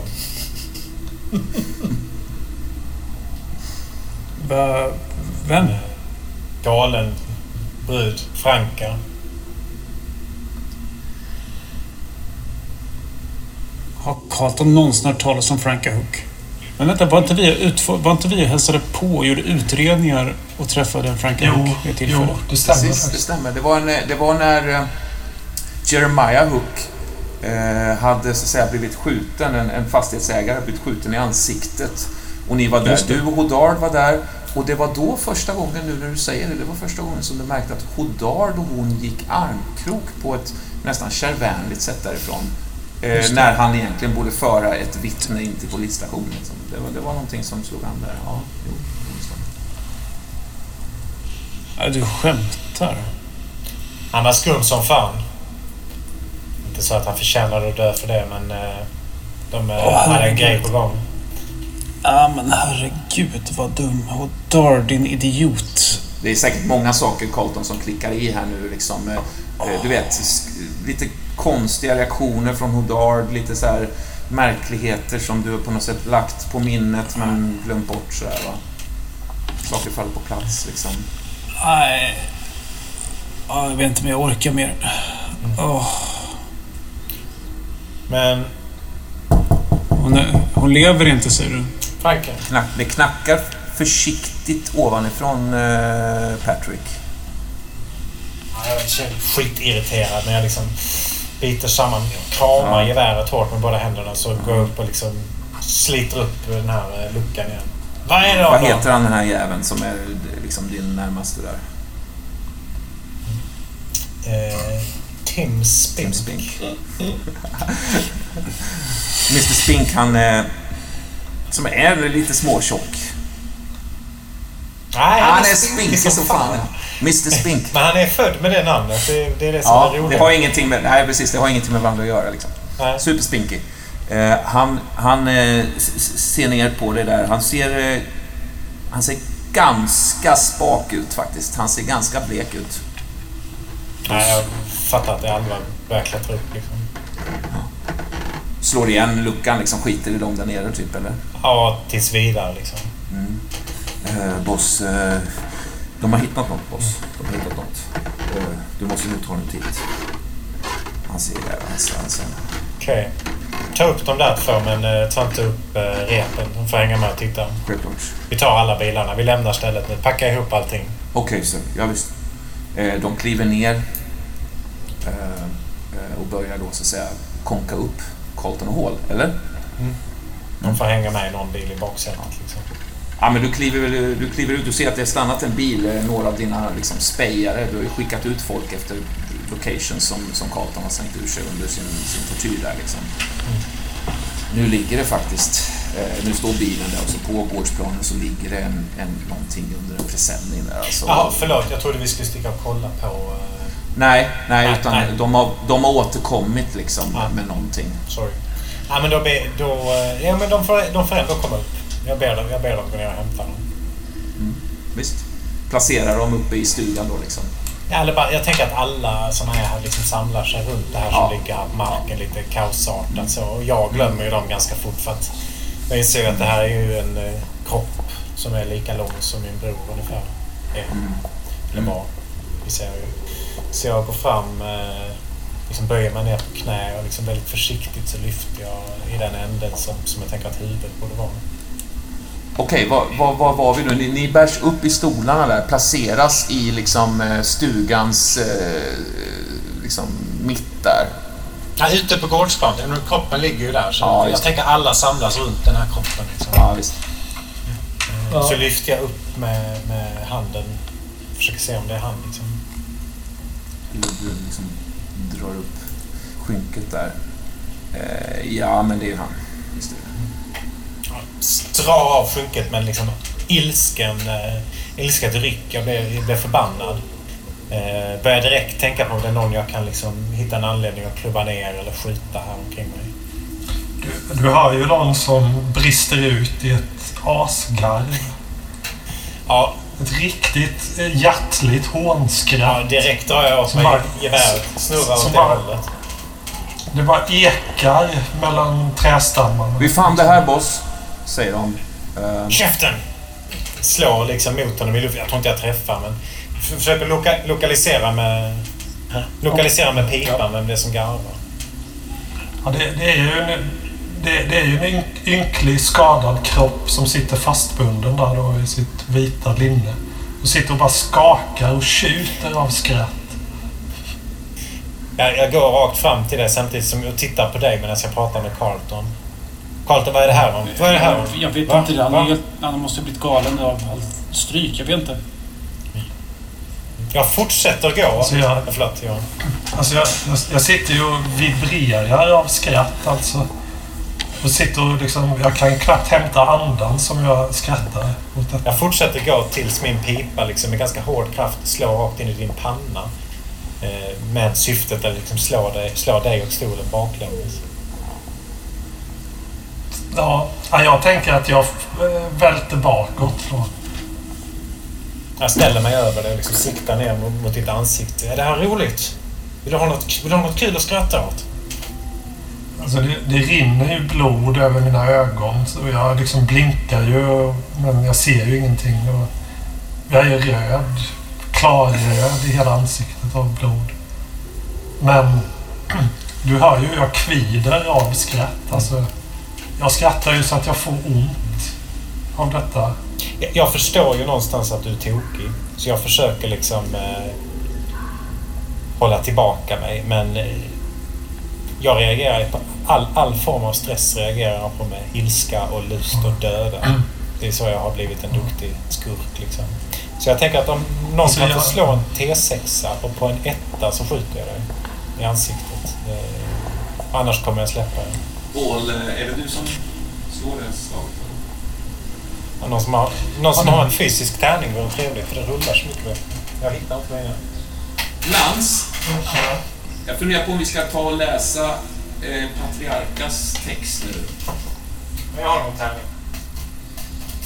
Ja, det, det, det slaget måste vi slå, slå först alltså. Men ja, innan du slår Nils, kan du repetera vad du sa? Om det blir en etta? Om det är en etta så skjuter jag dig i ansiktet med ett hagelgevär på ett par centimeters avstånd. Vad fan betyder det? För jävla tärning. Va? Det här är en sexa. Det är en sexa. Yes. Ja, hur ser det ut då Patrick när du så att säga inte blåser skallen av Men jag liksom först närmar mig med vapnet. Liksom, trycker dem mot läpparna så att de liksom trycks mot tänderna ganska hårt. Och sen bara dr- drar jag bort geväret. Vänder mig mot mina hantlangare. Liksom. Vi fann det här i hans ficka, boss, säger en, en av dem. Sträcker fram en hand med, med en eh, servett i, med någonting i liksom. Jag tar det och vecklar ut det. Jag tror att alla mina hantlangare håller sig jävligt långt bort från mig. För alla vet att någon kommer och, och Ja. liksom skjutas eller slås ner i det här. Hur många har du med dig just nu? Hur många finns i, kring stugan? Liksom? Vi är åtta stycken här, förutom jag. Var befinner de sig? Liksom, hur har du placerat dem? Är ni allihop i det här? Alltså jag placerar... Nej, vi är utomhus ute på gården. Ja, just det. Just det. Eh, Så alla bara står här i någon slags osort. Jag har ingen sån disciplin att jag placerar dem på något sätt. De bara är här. Super, röker och s- Nej, men svär. du, du vecklar upp den här pappersbiten där. Där ligger det något så konstigt som en, eh, en tandrad faktiskt. Eller som en tandprotes. tar den, går fram till, till eh, Carlton. Nu är det din tur liksom att- att få ett hagelgevär mot ansiktet, men inte lika aggressivt. Utan bara, vad fan är det här för något? Jag har ingen, ingen jävla aning. Proteständer. Han typ, han typ visar Ja, jag ser. tänderna så. Det är ju... Jag vet inte. Ni kan... Eh, släpp loss dem och kör in dem till stan. Men eh, jag vill ha de där listorna med namn, platser. Hur, eh, hur vill du ha dem? På vilket sätt som helst. Pappersform, gärna. Ja, visst, visst, visst. Det finns en annan sak, eh, Patrick, med det här, eh, din brors kropp som ligger där på gårdsplanen. Han ser ju jävligt illa däran ut. Det har ju gått eh, ett par veckor, eller någon vecka eller någonting. Och han, han är ju skjuten liksom. Och du har ju sett många kroppar som har fått le- legat, legat lite liksom skjutna i, i liksom natur sådär. Men ehm, han har också någonting i munnen faktiskt. Och det sitter faktiskt också spikat fast ett brev, på, eller en lapp, på hans bröst. Jaha, det drar jag ju loss direkt liksom. Ja, Kolla vad det är för något. om, och det, på den här lappen står det typ eh, Om du vill veta vad som hände din bror så smakar du äpplet, står det. Äpplet. jävla äpple? Det finns inget jävla äpple. Nå- Han har ju någonting i munnen i och för sig. Ser ut som. Han, alltså, han ser väldigt svullen ut liksom. Ja, jag tar ut eh, vad det nu är för något i munnen. Ett litet svart äpple alltså. Jag öser åt helvete. Skjuter efter det. Försöker skjuta sönder det i luften. Mm. Men jag, jag missar nog. Patriarka. Ja. Ska jag, ska jag läsa? Ja, vi, vi, jag tänkte bara säga att det smäller till i skogen eh, framför er. Mhm. Men eh, vi, kan läsa, vi kan läsa texten tillsammans. Mm. Okej, så det här är eh, Lucio Patriarca. Duglighet T10, farlighet T12. Italienska maffians överhuvud i Boston mellan 1916 och 1920 då Patriarca sattes bakom lås och bom tagen på bar gärning av Carlton och Houdard. I själva verket snärjd av O'Mullen-bröderna som köpt Houdard sedan Franka misslyckats med att snärja honom. När tillslaget skedde trodde Patriarka att polisen haft tur. Lyckats övervinna männen som Franka skickat för att hämta dem. Långsamt har dock andra teorier kommit till ytan. Det var så perfekt. För perfekt. En slump, en modig konstapel, en infångad maffialedare. Sånt älskar pressen. Tabloiderna fick sin polishjälte också, Tutto Bene. Patriarken såg till att utkräva blodig hämnd på polismannen, berövade honom hans hustru. Idag är han inte så säker på att det var ett passande straff. Karln var nog bara på fel plats vid fel tidpunkt. För enligt de källor som patriarken har tillgång till var det O'Mallen som låg bakom. Tipsade Carlton och Houdard om attacken, vilket ledde till gripandet av Lucio själv bara timmar senare. Franka sköt Houdard ute vid stugan, duktig flicka. Hans guddotter är sannerligen en gåva. För några dagar sedan lyckades dessutom Franka få vakten att se bort för ett ögonblick och Lucio kunde promenera ut ur fängelset med pengar på fickan, beväpnad och mätt i magen. Hon är fantastisk, hans Franka. Hon har lärt sig de gamla ritualerna duktigt. Någon annans sätt att rispa på verkligheten, tala med de döda och lägga kort i ödets mättade ordning. Lucio själv har aldrig haft gåvan, men Franka har. Hon fick träffa djävulen när hon var liten, har hon berättat. Det räcker för att patriarken ska hysa kärlek och tillförsikt till guddottern, men också oro. Med starka vänner får man mäktiga fiender, som ett gammalt italienskt uttryck lyder. Och med djävulen på sin sida, Gud vet vilka fiender som kan torna upp sig då. Patriarken anlände till Boston med tåg, förklädd i skägg och glasögon. Sedan dess har han legat lågt i Frankas lägenhet, hunnit fundera en del. Sex år, sex långa år, i hans ålder dessutom. Visst, Lucio hade ändå haft det förhållandevis bra i fängelse. Spaghetti alla vongole varje kväll. Pokerspel och till och med kvinnan när fängelsedirektören varit på det humöret. Alternativt fått motta rätt summa pengar från Lucio. Det gick ju också. Eh, och det kändes tryggare i cellen än på Bostons gator, det måste man säga. Nu, när Franka inte vare sig möter honom på perrongen eller återfinns i sitt hem, så känns fastigheten på Castle Road ödslig och obehaglig. Nyckeln låg i alla fall där den skulle alltid nått. Franka lever ju sitt egna liv. Det har hon alltid gjort. Därför är Lucio inledningsvis inte orolig. Man vet aldrig var hon är. Kanske är hon just nu i armarna på någon vilseledd miljonär. Någonstans på Rivieran, Casablanca, Kuba. Om detta fantiserar patriarken. Han slås också av hur jävla öde Boston är dagtid. Inte en käft så långt ögat når. Annat är det på natten. När han anlände myllrade staden av liv. På dagen vilar den skyggt. Han uppdaterar sig om de dramatiska bränderna i Deadham, getinginvasionen, läser Patriarka, gör att alla utomhusaktiviteter dagtid i princip stannat av. Insekterna är, till skillnad från andra getingar, istället orkeslösa under nattens timmar och aggressivare ju varmare solen värmer. En bil hämtar Lucio på Hoxha Street. Det är kväll i hjärtat av Boston och en färd som slingrande ska ta dem genom stadens kärlsystem av vägar tills mindre och mindre blodådror leder dem ut på landet, närmare bestämt Boston Forest. Det är första gången han pratat med någon på evigheter så stämningen är uppsluppen. De närmar sig skogsgränsen. Någonstans djupt inne i den skogen befinner sig Patrick och Mullen tillsammans med sina närmsta män. Irländaren tror han sitter säkert, med Lurcher bakom galler och att ingen känner till var stugan ligger. Men Patriark är lös. Patricks safehouse är inte så säkert längre. It's not so safe anymore.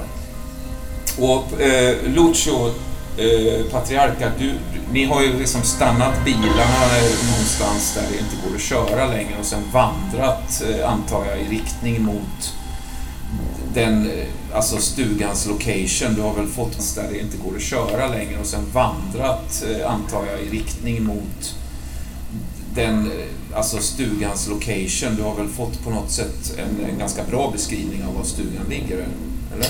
Ja, men framförallt så en av mina män som är med mig vet ju precis var den ligger. Så, Mm. att, så han, han Ja, ja, ja. Så visar du, vägen. Ja, du är liksom, du, du, du bara blir lotsad framåt. Ja. Mm. Precis, precis. När det kommit en bra bit och börjar liksom närma i platsen så hör du faktiskt en, ett pistolskott gå av. Ja, jag ger, som ger, sätter upp handen för att visa att vi ska stanna. Ehm, jag vänder mig till, ehm, till ehm, Alfonso. Alfonso den jäveln! Alltså, Ja. Ja, ja, men eh, liksom... äh, hur, hur långt är det kvar? ja, han, han, pekar neråt där liksom. eh, ja, Vi är, vi är nästan där så. Jag liksom tar honom om, om hakan liksom. Ja, ja. Ja, nästan där. Inte tillräckligt precis. Hur långt är det kvar? Det är bara, det är bara, det är bara några hundra meter kvar Lucio. Vi är Jag, där. nick, jag nickar liksom och klappar honom på kinden. Och... Det har ju varit ganska uppsluppet i bilen där, men nu är det inte det längre va, eller hur? Nej, precis. Alltså, eh, alltså i bilen kan man vara uppsluppen, men nu är vi ute i skogen. Det går liksom inte att annonsera sin närvaro genom höga skratt. Nej. Eh, inte ännu. Vi, vi ska skratta snart. Igen. Hur ser du ut Lucio, tror du? Ja, men jag, är ju, jag är en, har ju varit en levnadsglad man, så jag är ju ganska tjock. Ehm, jag, är, jag, är, jag ser nog ändå förvånansvärt ung ut, eh, men, men, men eh, eh, jag är inte gråhårig, men jag har liksom någon grå strimma i, i vardera tinningen och jag har ett ganska högt hårfäste. Eh, jag eh, är inte liksom så fet att jag rullar fram, men jag är ganska liksom, jag har, jag har en, en, en bukpondus. Du, du klädde klädd i liksom alltså kostym och fina kläder så att säga. Ja, ja, alltid. Det, det, ni känns nog allihop lite, lite malplacerade där ute i naturen va? Känns det som. Ni är liksom... Vi är ju stadsmänniskor. Ja. Så att det här är inte vårt element, men det betyder inte att vi inte klarar elementet. ja ni, ni, ni, ni kryper vidare, tar er jävligt försiktigt fram. Kommer över någon form av, ja nästan som en höjd lite så här, något berg, eller liksom någon slags... ehm, En ås. En ås, ja exakt. Eh, där ni liksom lägger er högst upp och kollar ner.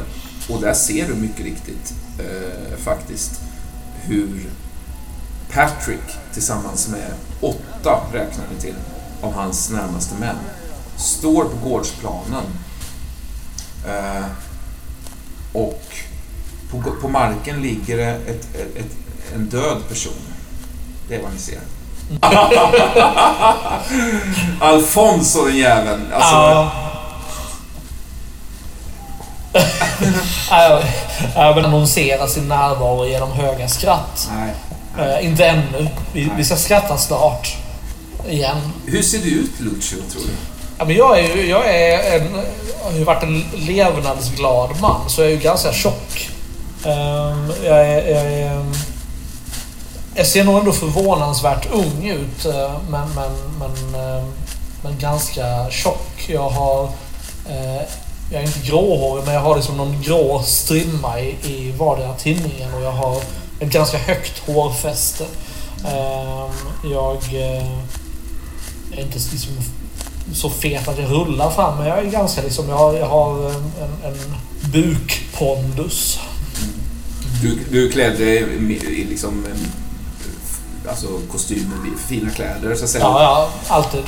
Det, det, ni känns nog allihop lite, lite malplacerade där ute i naturen va? Känns det som. Ni är liksom... Vi är ju stadsmänniskor. Ja. Så att det här är inte vårt element men det betyder inte att vi inte klarar elementet. Ja, ni, ni, ni, ni kryper vidare, tar det jävligt försiktigt fram. Kommer över någon form av, ja nästan som en höjd lite så här, något berg, eller liksom någon slags... ehm, En ås. En ås, ja exakt. Eh, där ni liksom lägger er högst upp och kollar ner. Och där ser du mycket riktigt eh, faktiskt hur Patrick tillsammans med åtta, räknar ni till, av hans närmaste män står på gårdsplanen. Eh, och på, på marken ligger det ett, ett, ett, en död person. Det är vad ni ser. Mm. Ja, Patrick, du, du, du, du har sulat iväg det här äpplet. Stämmer det? Mm. Skjutit efter det. Båda, båda skotten i mitt hagelgevär har jag skjutit Ja. efter. Oklart eh, om du träffat eller missat. Liksom. Ah, det har jag nog inte gjort. Nej. Det tror jag inte. Du, ser, du ser nog kanske till och med äpplet landar eh, liksom, eh, längst bort där på, på gårdsplanen. Liksom. Eh, Herr Eh, Herr Mallen, herr Mallen. Vänder mig mot dig, ja. Börjar ladda om. Det, det där som du kastade där, det, det kommer från den där förbannade cirkusen. Det där känner jag igen. Ta upp hans... Eh, bind upp. Till, till, jag säger till Spink. Eh, bind upp honom. Eh, Carlton, eller? Ja. Ja. Gå dit och... Jag trycker det här brevet som satt fastsatt på kroppen i, i eh, dina händer, Carlton. Vem är det som har skrivit det här då? Vacker handstil är det. Eh, Jag känner inte igen hans stilen, det gör jag inte väl. Men jag vet om de, de ville, de som var med där, de skulle äta såna här och jag har också fått äta såna här. Om du vill veta vad som hände din bror, så, så ta en tugga. Jag förstod det. Det är någon form av hån. Man blir drogad av de där. De tror att de kan göra några tricks på mig. Ska få mig att balans. Då tror de helt fel. Jag hade nog också kastat bort det ifall jag var du. Men det är, det är cirkusfolk, det är det ju. Vi gör så här. Ni får gå in och skriva en preliminär lista. Sen kör vi in er till stan och så kanske ni kan eh, addera namn och platser under dagarna. Titta på hål, jag vet inte om han är kontaktbar överhuvudtaget. Jag ligger ju och småfnissar fortfarande. Liksom, så. Ja, Eh, Men jag är, jag, blir, jag är väldigt skadad nu. ja jag, tar, jag tar med honom. Jag, jag, är, inte- jag, är, jag är inte riktigt kontaktbar, tror jag faktiskt inte. Spink, eh, ta in Carlton och ge honom penna och papper. Ja, Pat, Patrick, eh, eh, vad heter han som, han som står närmast skogsbrynet? Han den här lite satte, korta satte mannen.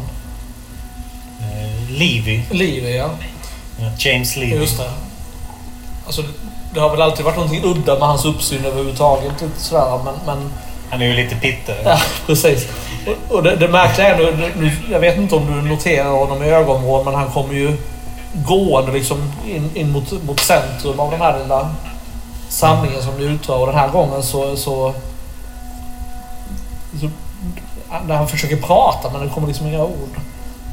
Och jag tänker att det är honom, det är han som ska få sota för min bror. Jag har liksom letat efter en anledning att, att nita honom länge. Så jag börjar liksom gå raskt mot honom och möta honom. Ja. Provocerande, liksom eh, svårt att få ord ur munnen på sig själv. Alltså, han, han går fram och... Jag smäller till honom i ansiktet Ja. med en knytnäve. Jag vet inte om du noterar då att det faktiskt liksom sticker ut en kniv ur ryggen på honom. Ja, jag kan få notera det när han liksom far runt av slaget. Slå ett eh, slag, eh, Patrick, eh, om du, du noterar det. Då. Ja, men det, det kanske jag noterar, tänker jag. Det tänker jag nog också att du gör. Ja.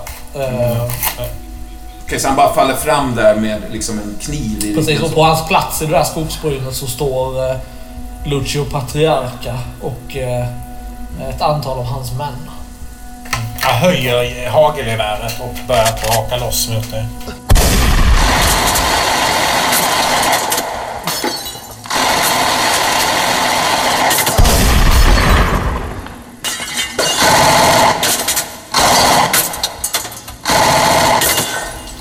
Du skjuter alltså? Ja. ja. Ah, det börjar ju smälla så in i helvete alltså. Eh, Okej, men eh, då, vi, vi, vi kanske klipper där. Eller? Känns det okej att, att klippa där? Absolut. Jag menar, det här är ju ett ka- ett kaotiskt skeende. Det kan ske vad fan som helst här just nu alltså.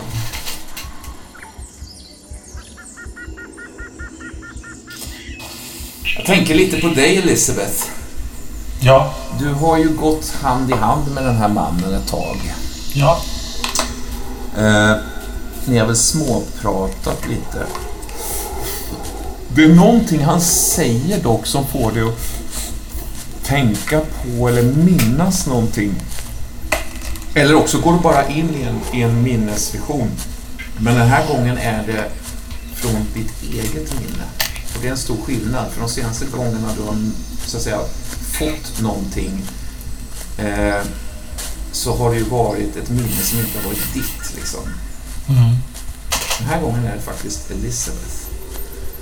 Och du får en minnesbild precis när Omladjans näsa är liksom på väg in i hjärnan på dig så här för att liksom sniffa reda på minnen som du knappt själv vet att du har. Saker som du har pratat med Marion om. Du vet. Och i bakgrunden står Jared skällande som en hund med liksom en ros mellan sina käftar som gläfser där borta. Liksom. Och den här näsan den sniffar, snokar efter minnet. Minnet ur ett liv liksom innan glömskan. Sådär. För det fanns ett liv då. ja. Och jag tänker att det är där du gör en shortcut. En, en, liksom, eh, en vänstersväng sväng in i minnets depåer. Det är liksom pölar av minnen som har trotsat den här raderande liksom, torkan när Orm har liksom förbränt minnestrådarna, lött igen minnet, försökt hitta information i en annan människas minne. Liksom. Och då har han liksom lött igen eh, stora delar av minnet. Då, va? Mm och de här minnena har ju liksom, när de inte har varit i kontakt med, med verkligheten så har de ju sakta förbleknat och de har liksom inget eget syfte eller så här, ingen man säga, självberättigad existens utan de har bara så att säga fått tolk, tolka in. Men här, i den här plötsliga minnesbilden från Elisabeths verkliga liv så, så lyckas du ta en genväg faktiskt. In i Och, men det här är Elisabeths minne då. Marion, min mamma, berättar att berget som morrar inte är farligt om man håller ihop. Att det tredje ögat på tigern som slickar sin tass är ingången till inseglet. Att 4, 5, 9, 3 är siffran. Bokhyllan är nyckeln. Samma siffra gäller inseglet. Apans ansikte grinar illa då. Att 1946 är året för öppnelsen. Årets längsta dag. Dagen då märket öppnas. I djungeln är den seende blind och den blinde seende. Ljuset och mörkret har bytt plats. De svarta färgerna är oss bekanta eftersom vi ser dem när vi blundar. Ögongrottan skrämmer, fjärilarna rivs. Hajaporna hungrar efter kunskap, inte bara bits. Eldfälten bränns inte. Med eldriset kan jag tända natthimlen, avslöja grottans tak, de spindelfåglar som dväljer där. Jag kan låta ljuset vandra längs med River Interverse. Tända fyr på fyr om jag vill väcka dem som slumrar i mörkret. Vill jag låta dem sova håller jag mina ögon stängda. Var inte rädd, för då vill de rädda dig. krama dig för alltid, överösa dig med giftiga kyssar. Var arg på din mamma så skrämmer du de små. Men arg på fel planta och de vill skada dig illa. Ingenting större än dig, än det här, än det som sitter ihop. Ensam är svag, efterkälken är lika med döden. Går som en sol och de tappar sin glans, somnar i trans. Avsky dem och du har deras kärlek i din hand. Men var du än är, var inte kär, då blir de fascinerade. Förhäxa ditt sinne, berusa med kopplingar under det astrala. Mod är känslan du bär upp för en resa utan stopp. Sjön i mitten döljer märket. Båten går till fågelns bo. Under fågeln inget ägg, bara ben från folk och fä. Ben och knotor, men också guld som bildas i fågelns träck. Sjön är grund, men falsk som vatten.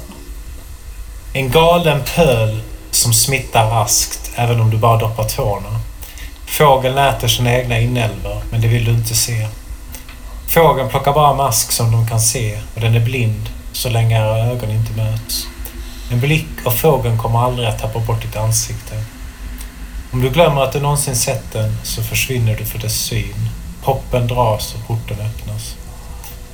Den gamla himlen är jordens innehåll. Den nya himlen når du bara neråt och uppåt, beroende på vem du frågar. Din gamla mamma skulle säga neråt, men din nya mamma säger uppåt. Men du måste stå på huvudet för att förstå. Klockan tickar, klockan går. När du inte förstår att du på huvudet står. Klockan tickar, klockan går, tills du når. Eh, ja, Elisabeth, du har ju gått ett tag med den här mannen, eh, hållit handen där. När du börjar närma dig en liten fallfärdig stuga faktiskt. En liten pojke står eh, utanför stugan. Och jag, jag undrar om inte du känner igen honom som Obedaya faktiskt. Jaha. Okej, ja. Innan dess bara får jag fråga. Den här, mitt sällskap där då. Vad, hur ser han ut?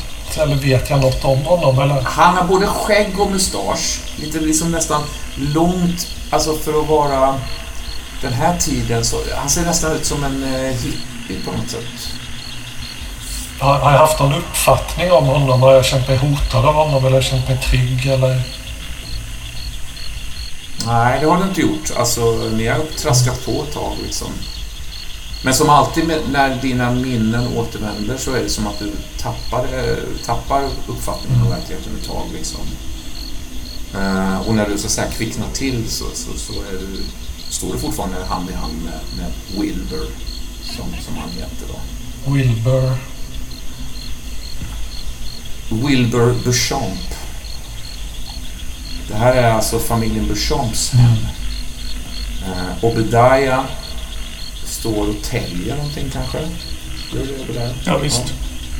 Ja. Eh, vi har Hattie och vi har eh, eh, Wilbur som är pappan i sammanhanget. Och det är han som har gått med mig. Ja, okej. Jag skiner ju upp när jag får syn på Obadiah. Vinka lite så. Ja, Jag, jag hittade den här ute i träsket. Jag tänkte att vi skulle behöva en syra till till dig. Ja, Hon kan ju uh, rafsa krokodilskinn om inte annat. jag kan visa hur man gör. Det är inte så svårt. Om man vet hur man gör. Vad är, vad, vad är Syrja för något? Vad gör man då?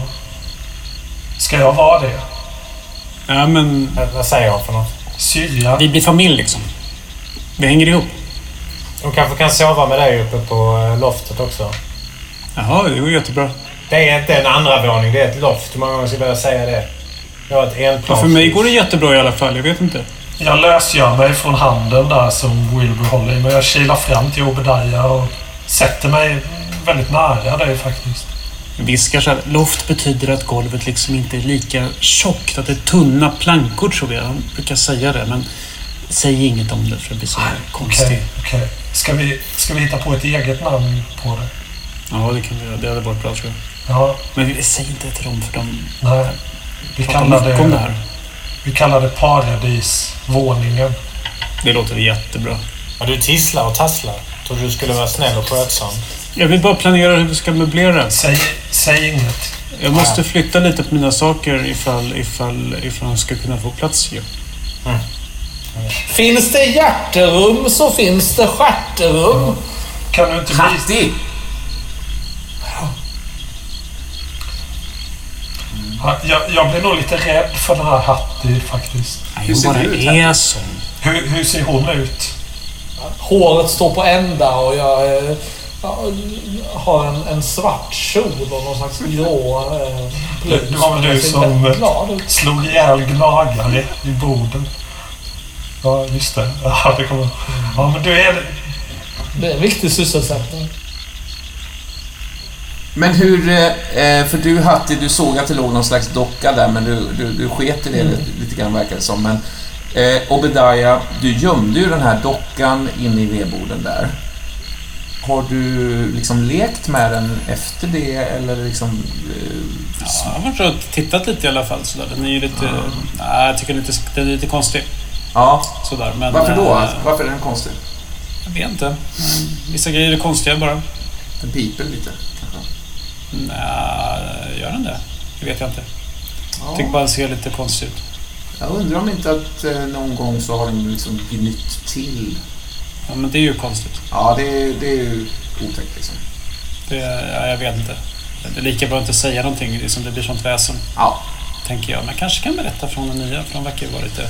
men du har De inte, verkar vara, de verkar vara smart. du har inte bytt eh, gömställe då, så att säga? Nej, jag kanske har lagt lite mera grejer över. Kanske bara lagt lite ris nästan. Dockan tickar. Om lösgör sig från väggverket och svävar uppåt genom de millimetertunna mellanrummen som göms i Cyrus gamla blodhus. Så många samtal de haft i just det där rummet. Herden såg omedelbart frälsaren i Om, tvillingkejsaren över jordens folk. Den milde och den förtappade. Det fanns en tid då Chispa hade förhoppning om att Om Al-Jan, uppfinnaren från Janet, skulle öppna vägen till inneraltet, skärvan av självet. Det gjorde han också, till priset av sin egna frihet. Först långt senare blev han varse om sin egentliga roll här i jorden och fångades också dess inre, en inverterad avbild av en bild. Bröderna låste upp honom till denna världen, men bara som en yta.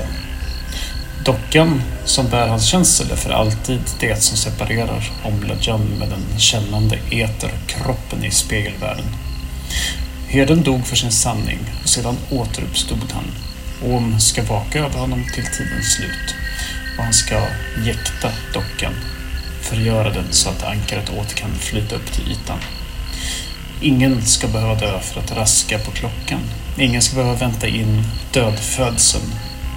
I gamla Noahs ficka låg tidsmaskinen. Och när Om blivit människa igen så ska han resa så att han får ro. I eh, kassaskåpet låg också Noahs bekännelse. Platsen var eh, Lisa och Charlotte ligger begravda. Om man överräcker Sallys lilla syster som gåva kanske hon kan förlåta honom och berätta om dockans gömställe. Klockan tickar, klockan går när du inte förstår att du på huvudet står. Klockan tickar, klockan går tills du når. Raska på, raska på, tiden rinner ständigt på. Tiden sår alla läkande stunders lov. En dag är jag fri, jag måste veta detta. Som sådant geni behöver jag förstå. Klockan tickar, klockan går när jag inte förstår. Om Lajan far till blodrummet. Han tänker att naturmänniskan och Sally får tro att han slickar sina sår. Jag må vara svag men också oförstörbar. Men Sally ruttnar fort. Pesten slickar hennes kött. Och Åm behöver lukta på hennes minne innan hon dör. Där inne måste minnet vila träskets hemlighet. Om dockan sjunker, då är Åm ett levande fotografi. En silverscreen i lera satt att sväva både skör och oförstörbar på samma gång. Som en evig såpbubbla den lilla flickan verkar inte ha återfått sin minnesförmåga än, vilket är märkligt eftersom det var över 24 timmar sedan Hon återställde vertikalbalansen. Sammansmältningen borde ha gett henne minnet åter, men det kommer nog. Knock, knock, knock. Vem där? Bara jag. Hattmannen. Dockan tickar, dockan går. En plötslig förändring och ett, tu, tre, dockan sjunker inte mer. Var kan jag leta och vad kan den heta som mig plockat upp? Åman känner känt en smekning och flyttats till ett hem. Någon vet var dockan bott. Någon som vill äga den. Sally ville inte tillbaka ner i lådan, vilket var synd. Lögnlådans nostalgi var stor. Och utan tvekan hade Sally svarat honom raskt. Och nu är lådan bruten. Enda chansen är att hitta Elisabeth. När hennes minne återvänt kan han ta en ny hjärnsniff. Marion var ju också med i träsket den gången och systerns utbildning av Elisabeth har alltid varit nyckeln. Oms reflektion är svag, en solkatt på eftermiddagen i september. Endast spegeln vid inseglet, den i blodrummet och den i vattentornet är intakt. Ändå känner han sig väl svag. Han kan se igenom sin armfot om han fokuserar. Det är inte bra. Nu är han framme vid platsen där Noah gömt Sallys syster. Kvarlevorna ligger där inne, svårt sjunkna och intrasslade i rotsystemet och leran. En mor och en dotter i evig omfamning.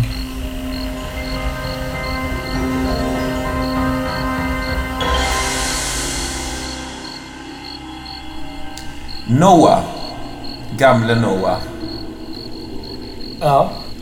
Ja. Du simmar långsamt fram med ett nattdränkt estero. Träsket är stilla och tyst blänker omkring dig. De här skräddarna och träskmyggen som gnistrar liksom. Vattenlinjen som ett, nästan som ett, eh, vad ska man säga, guldhalsband omkring dig liksom under månens stora sken. Och allt är stilla, bara någon enstaka fisk som liksom eh, hugger något. Någon vattensnok eller någonting annat som simmar förbi liksom. Botten är kall under dina nakna fötter och du liksom eh, tyngdlöst tar dig fram. Stilla smaskande i träsket. Men annars ovanligt stilla. Så behagligt med en kvällsäventyr. Träsket är liksom djupare än om du minns det. På något sätt. Du når fortfarande botten men efterhand så plötsligt så känner du att botten försvinner ner och du får liksom verkligen simma fram i träsket så här. Det är en ganska skön liksom, viktlöshetskänsla. Jag har alltid tyckt om det. Det lätta i dig Noah, det som liksom inte är tyngt av dåligt samvete eller skam eller sådär, det har nog redan lämnat det faktiskt. Farit upp i himlen där, förenat sig med de andra själarna som är liksom obefläckade av mord. Men kvar är dina kval, det här dåliga samvetet som så länge begravts under liksom, eh, som säga, falska förhoppningar om att blod går att tvätta bort menar jag. Det är som att du är separerad från dig själv liksom. Och de här stora swamp mahogany-träden står som en nästan en hundrahövda publik eh, omkring dig liksom. Ehm, Den här... ehm, kan jag känna av den här hungern, den här, det här som dyker upp inom mig, det här som måste mättas, som måste stillas ibland. Finns, finns det... Är det, har det försvunnit eller är det kvar? ja. Hmm. Nej, det är kvar. Det är kanske det enda som är kvar faktiskt. Ehm, Du ser någonting där framme. Eh, Det ser ut som en flicka som sitter och leker på en eh, tuva lite längre fram. Det är lustigt hur man liksom ändå inte... Jag hör ju inte nästan med mina simtag. Så tänker jag undrar om inte hon hör mig heller. Nej, just det. Just det. Jag, jag simmar eh,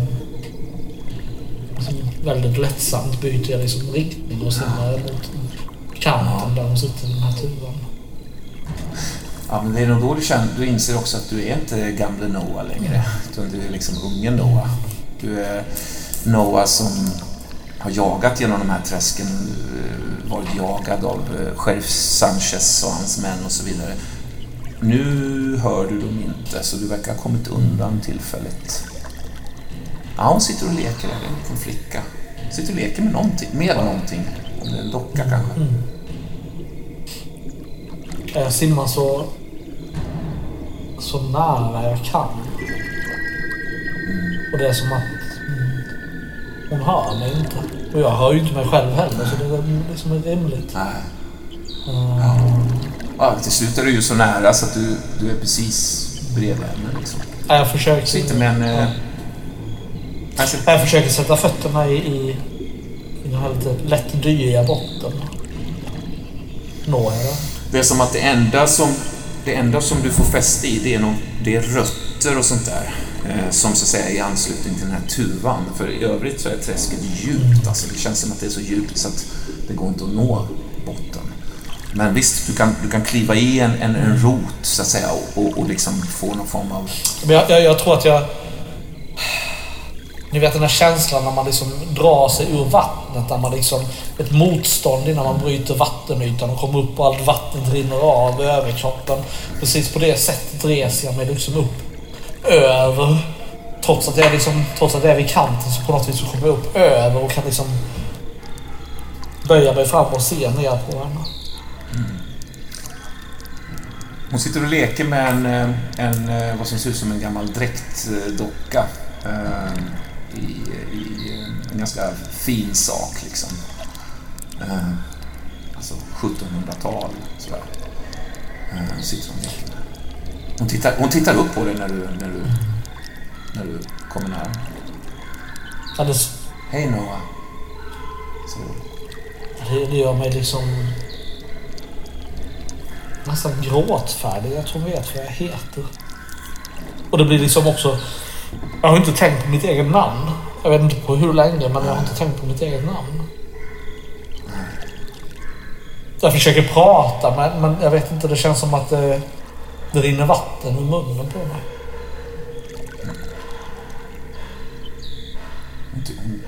Hon, tittar på dig ganska länge så här. Du slog ihjäl mig, gamla Noah.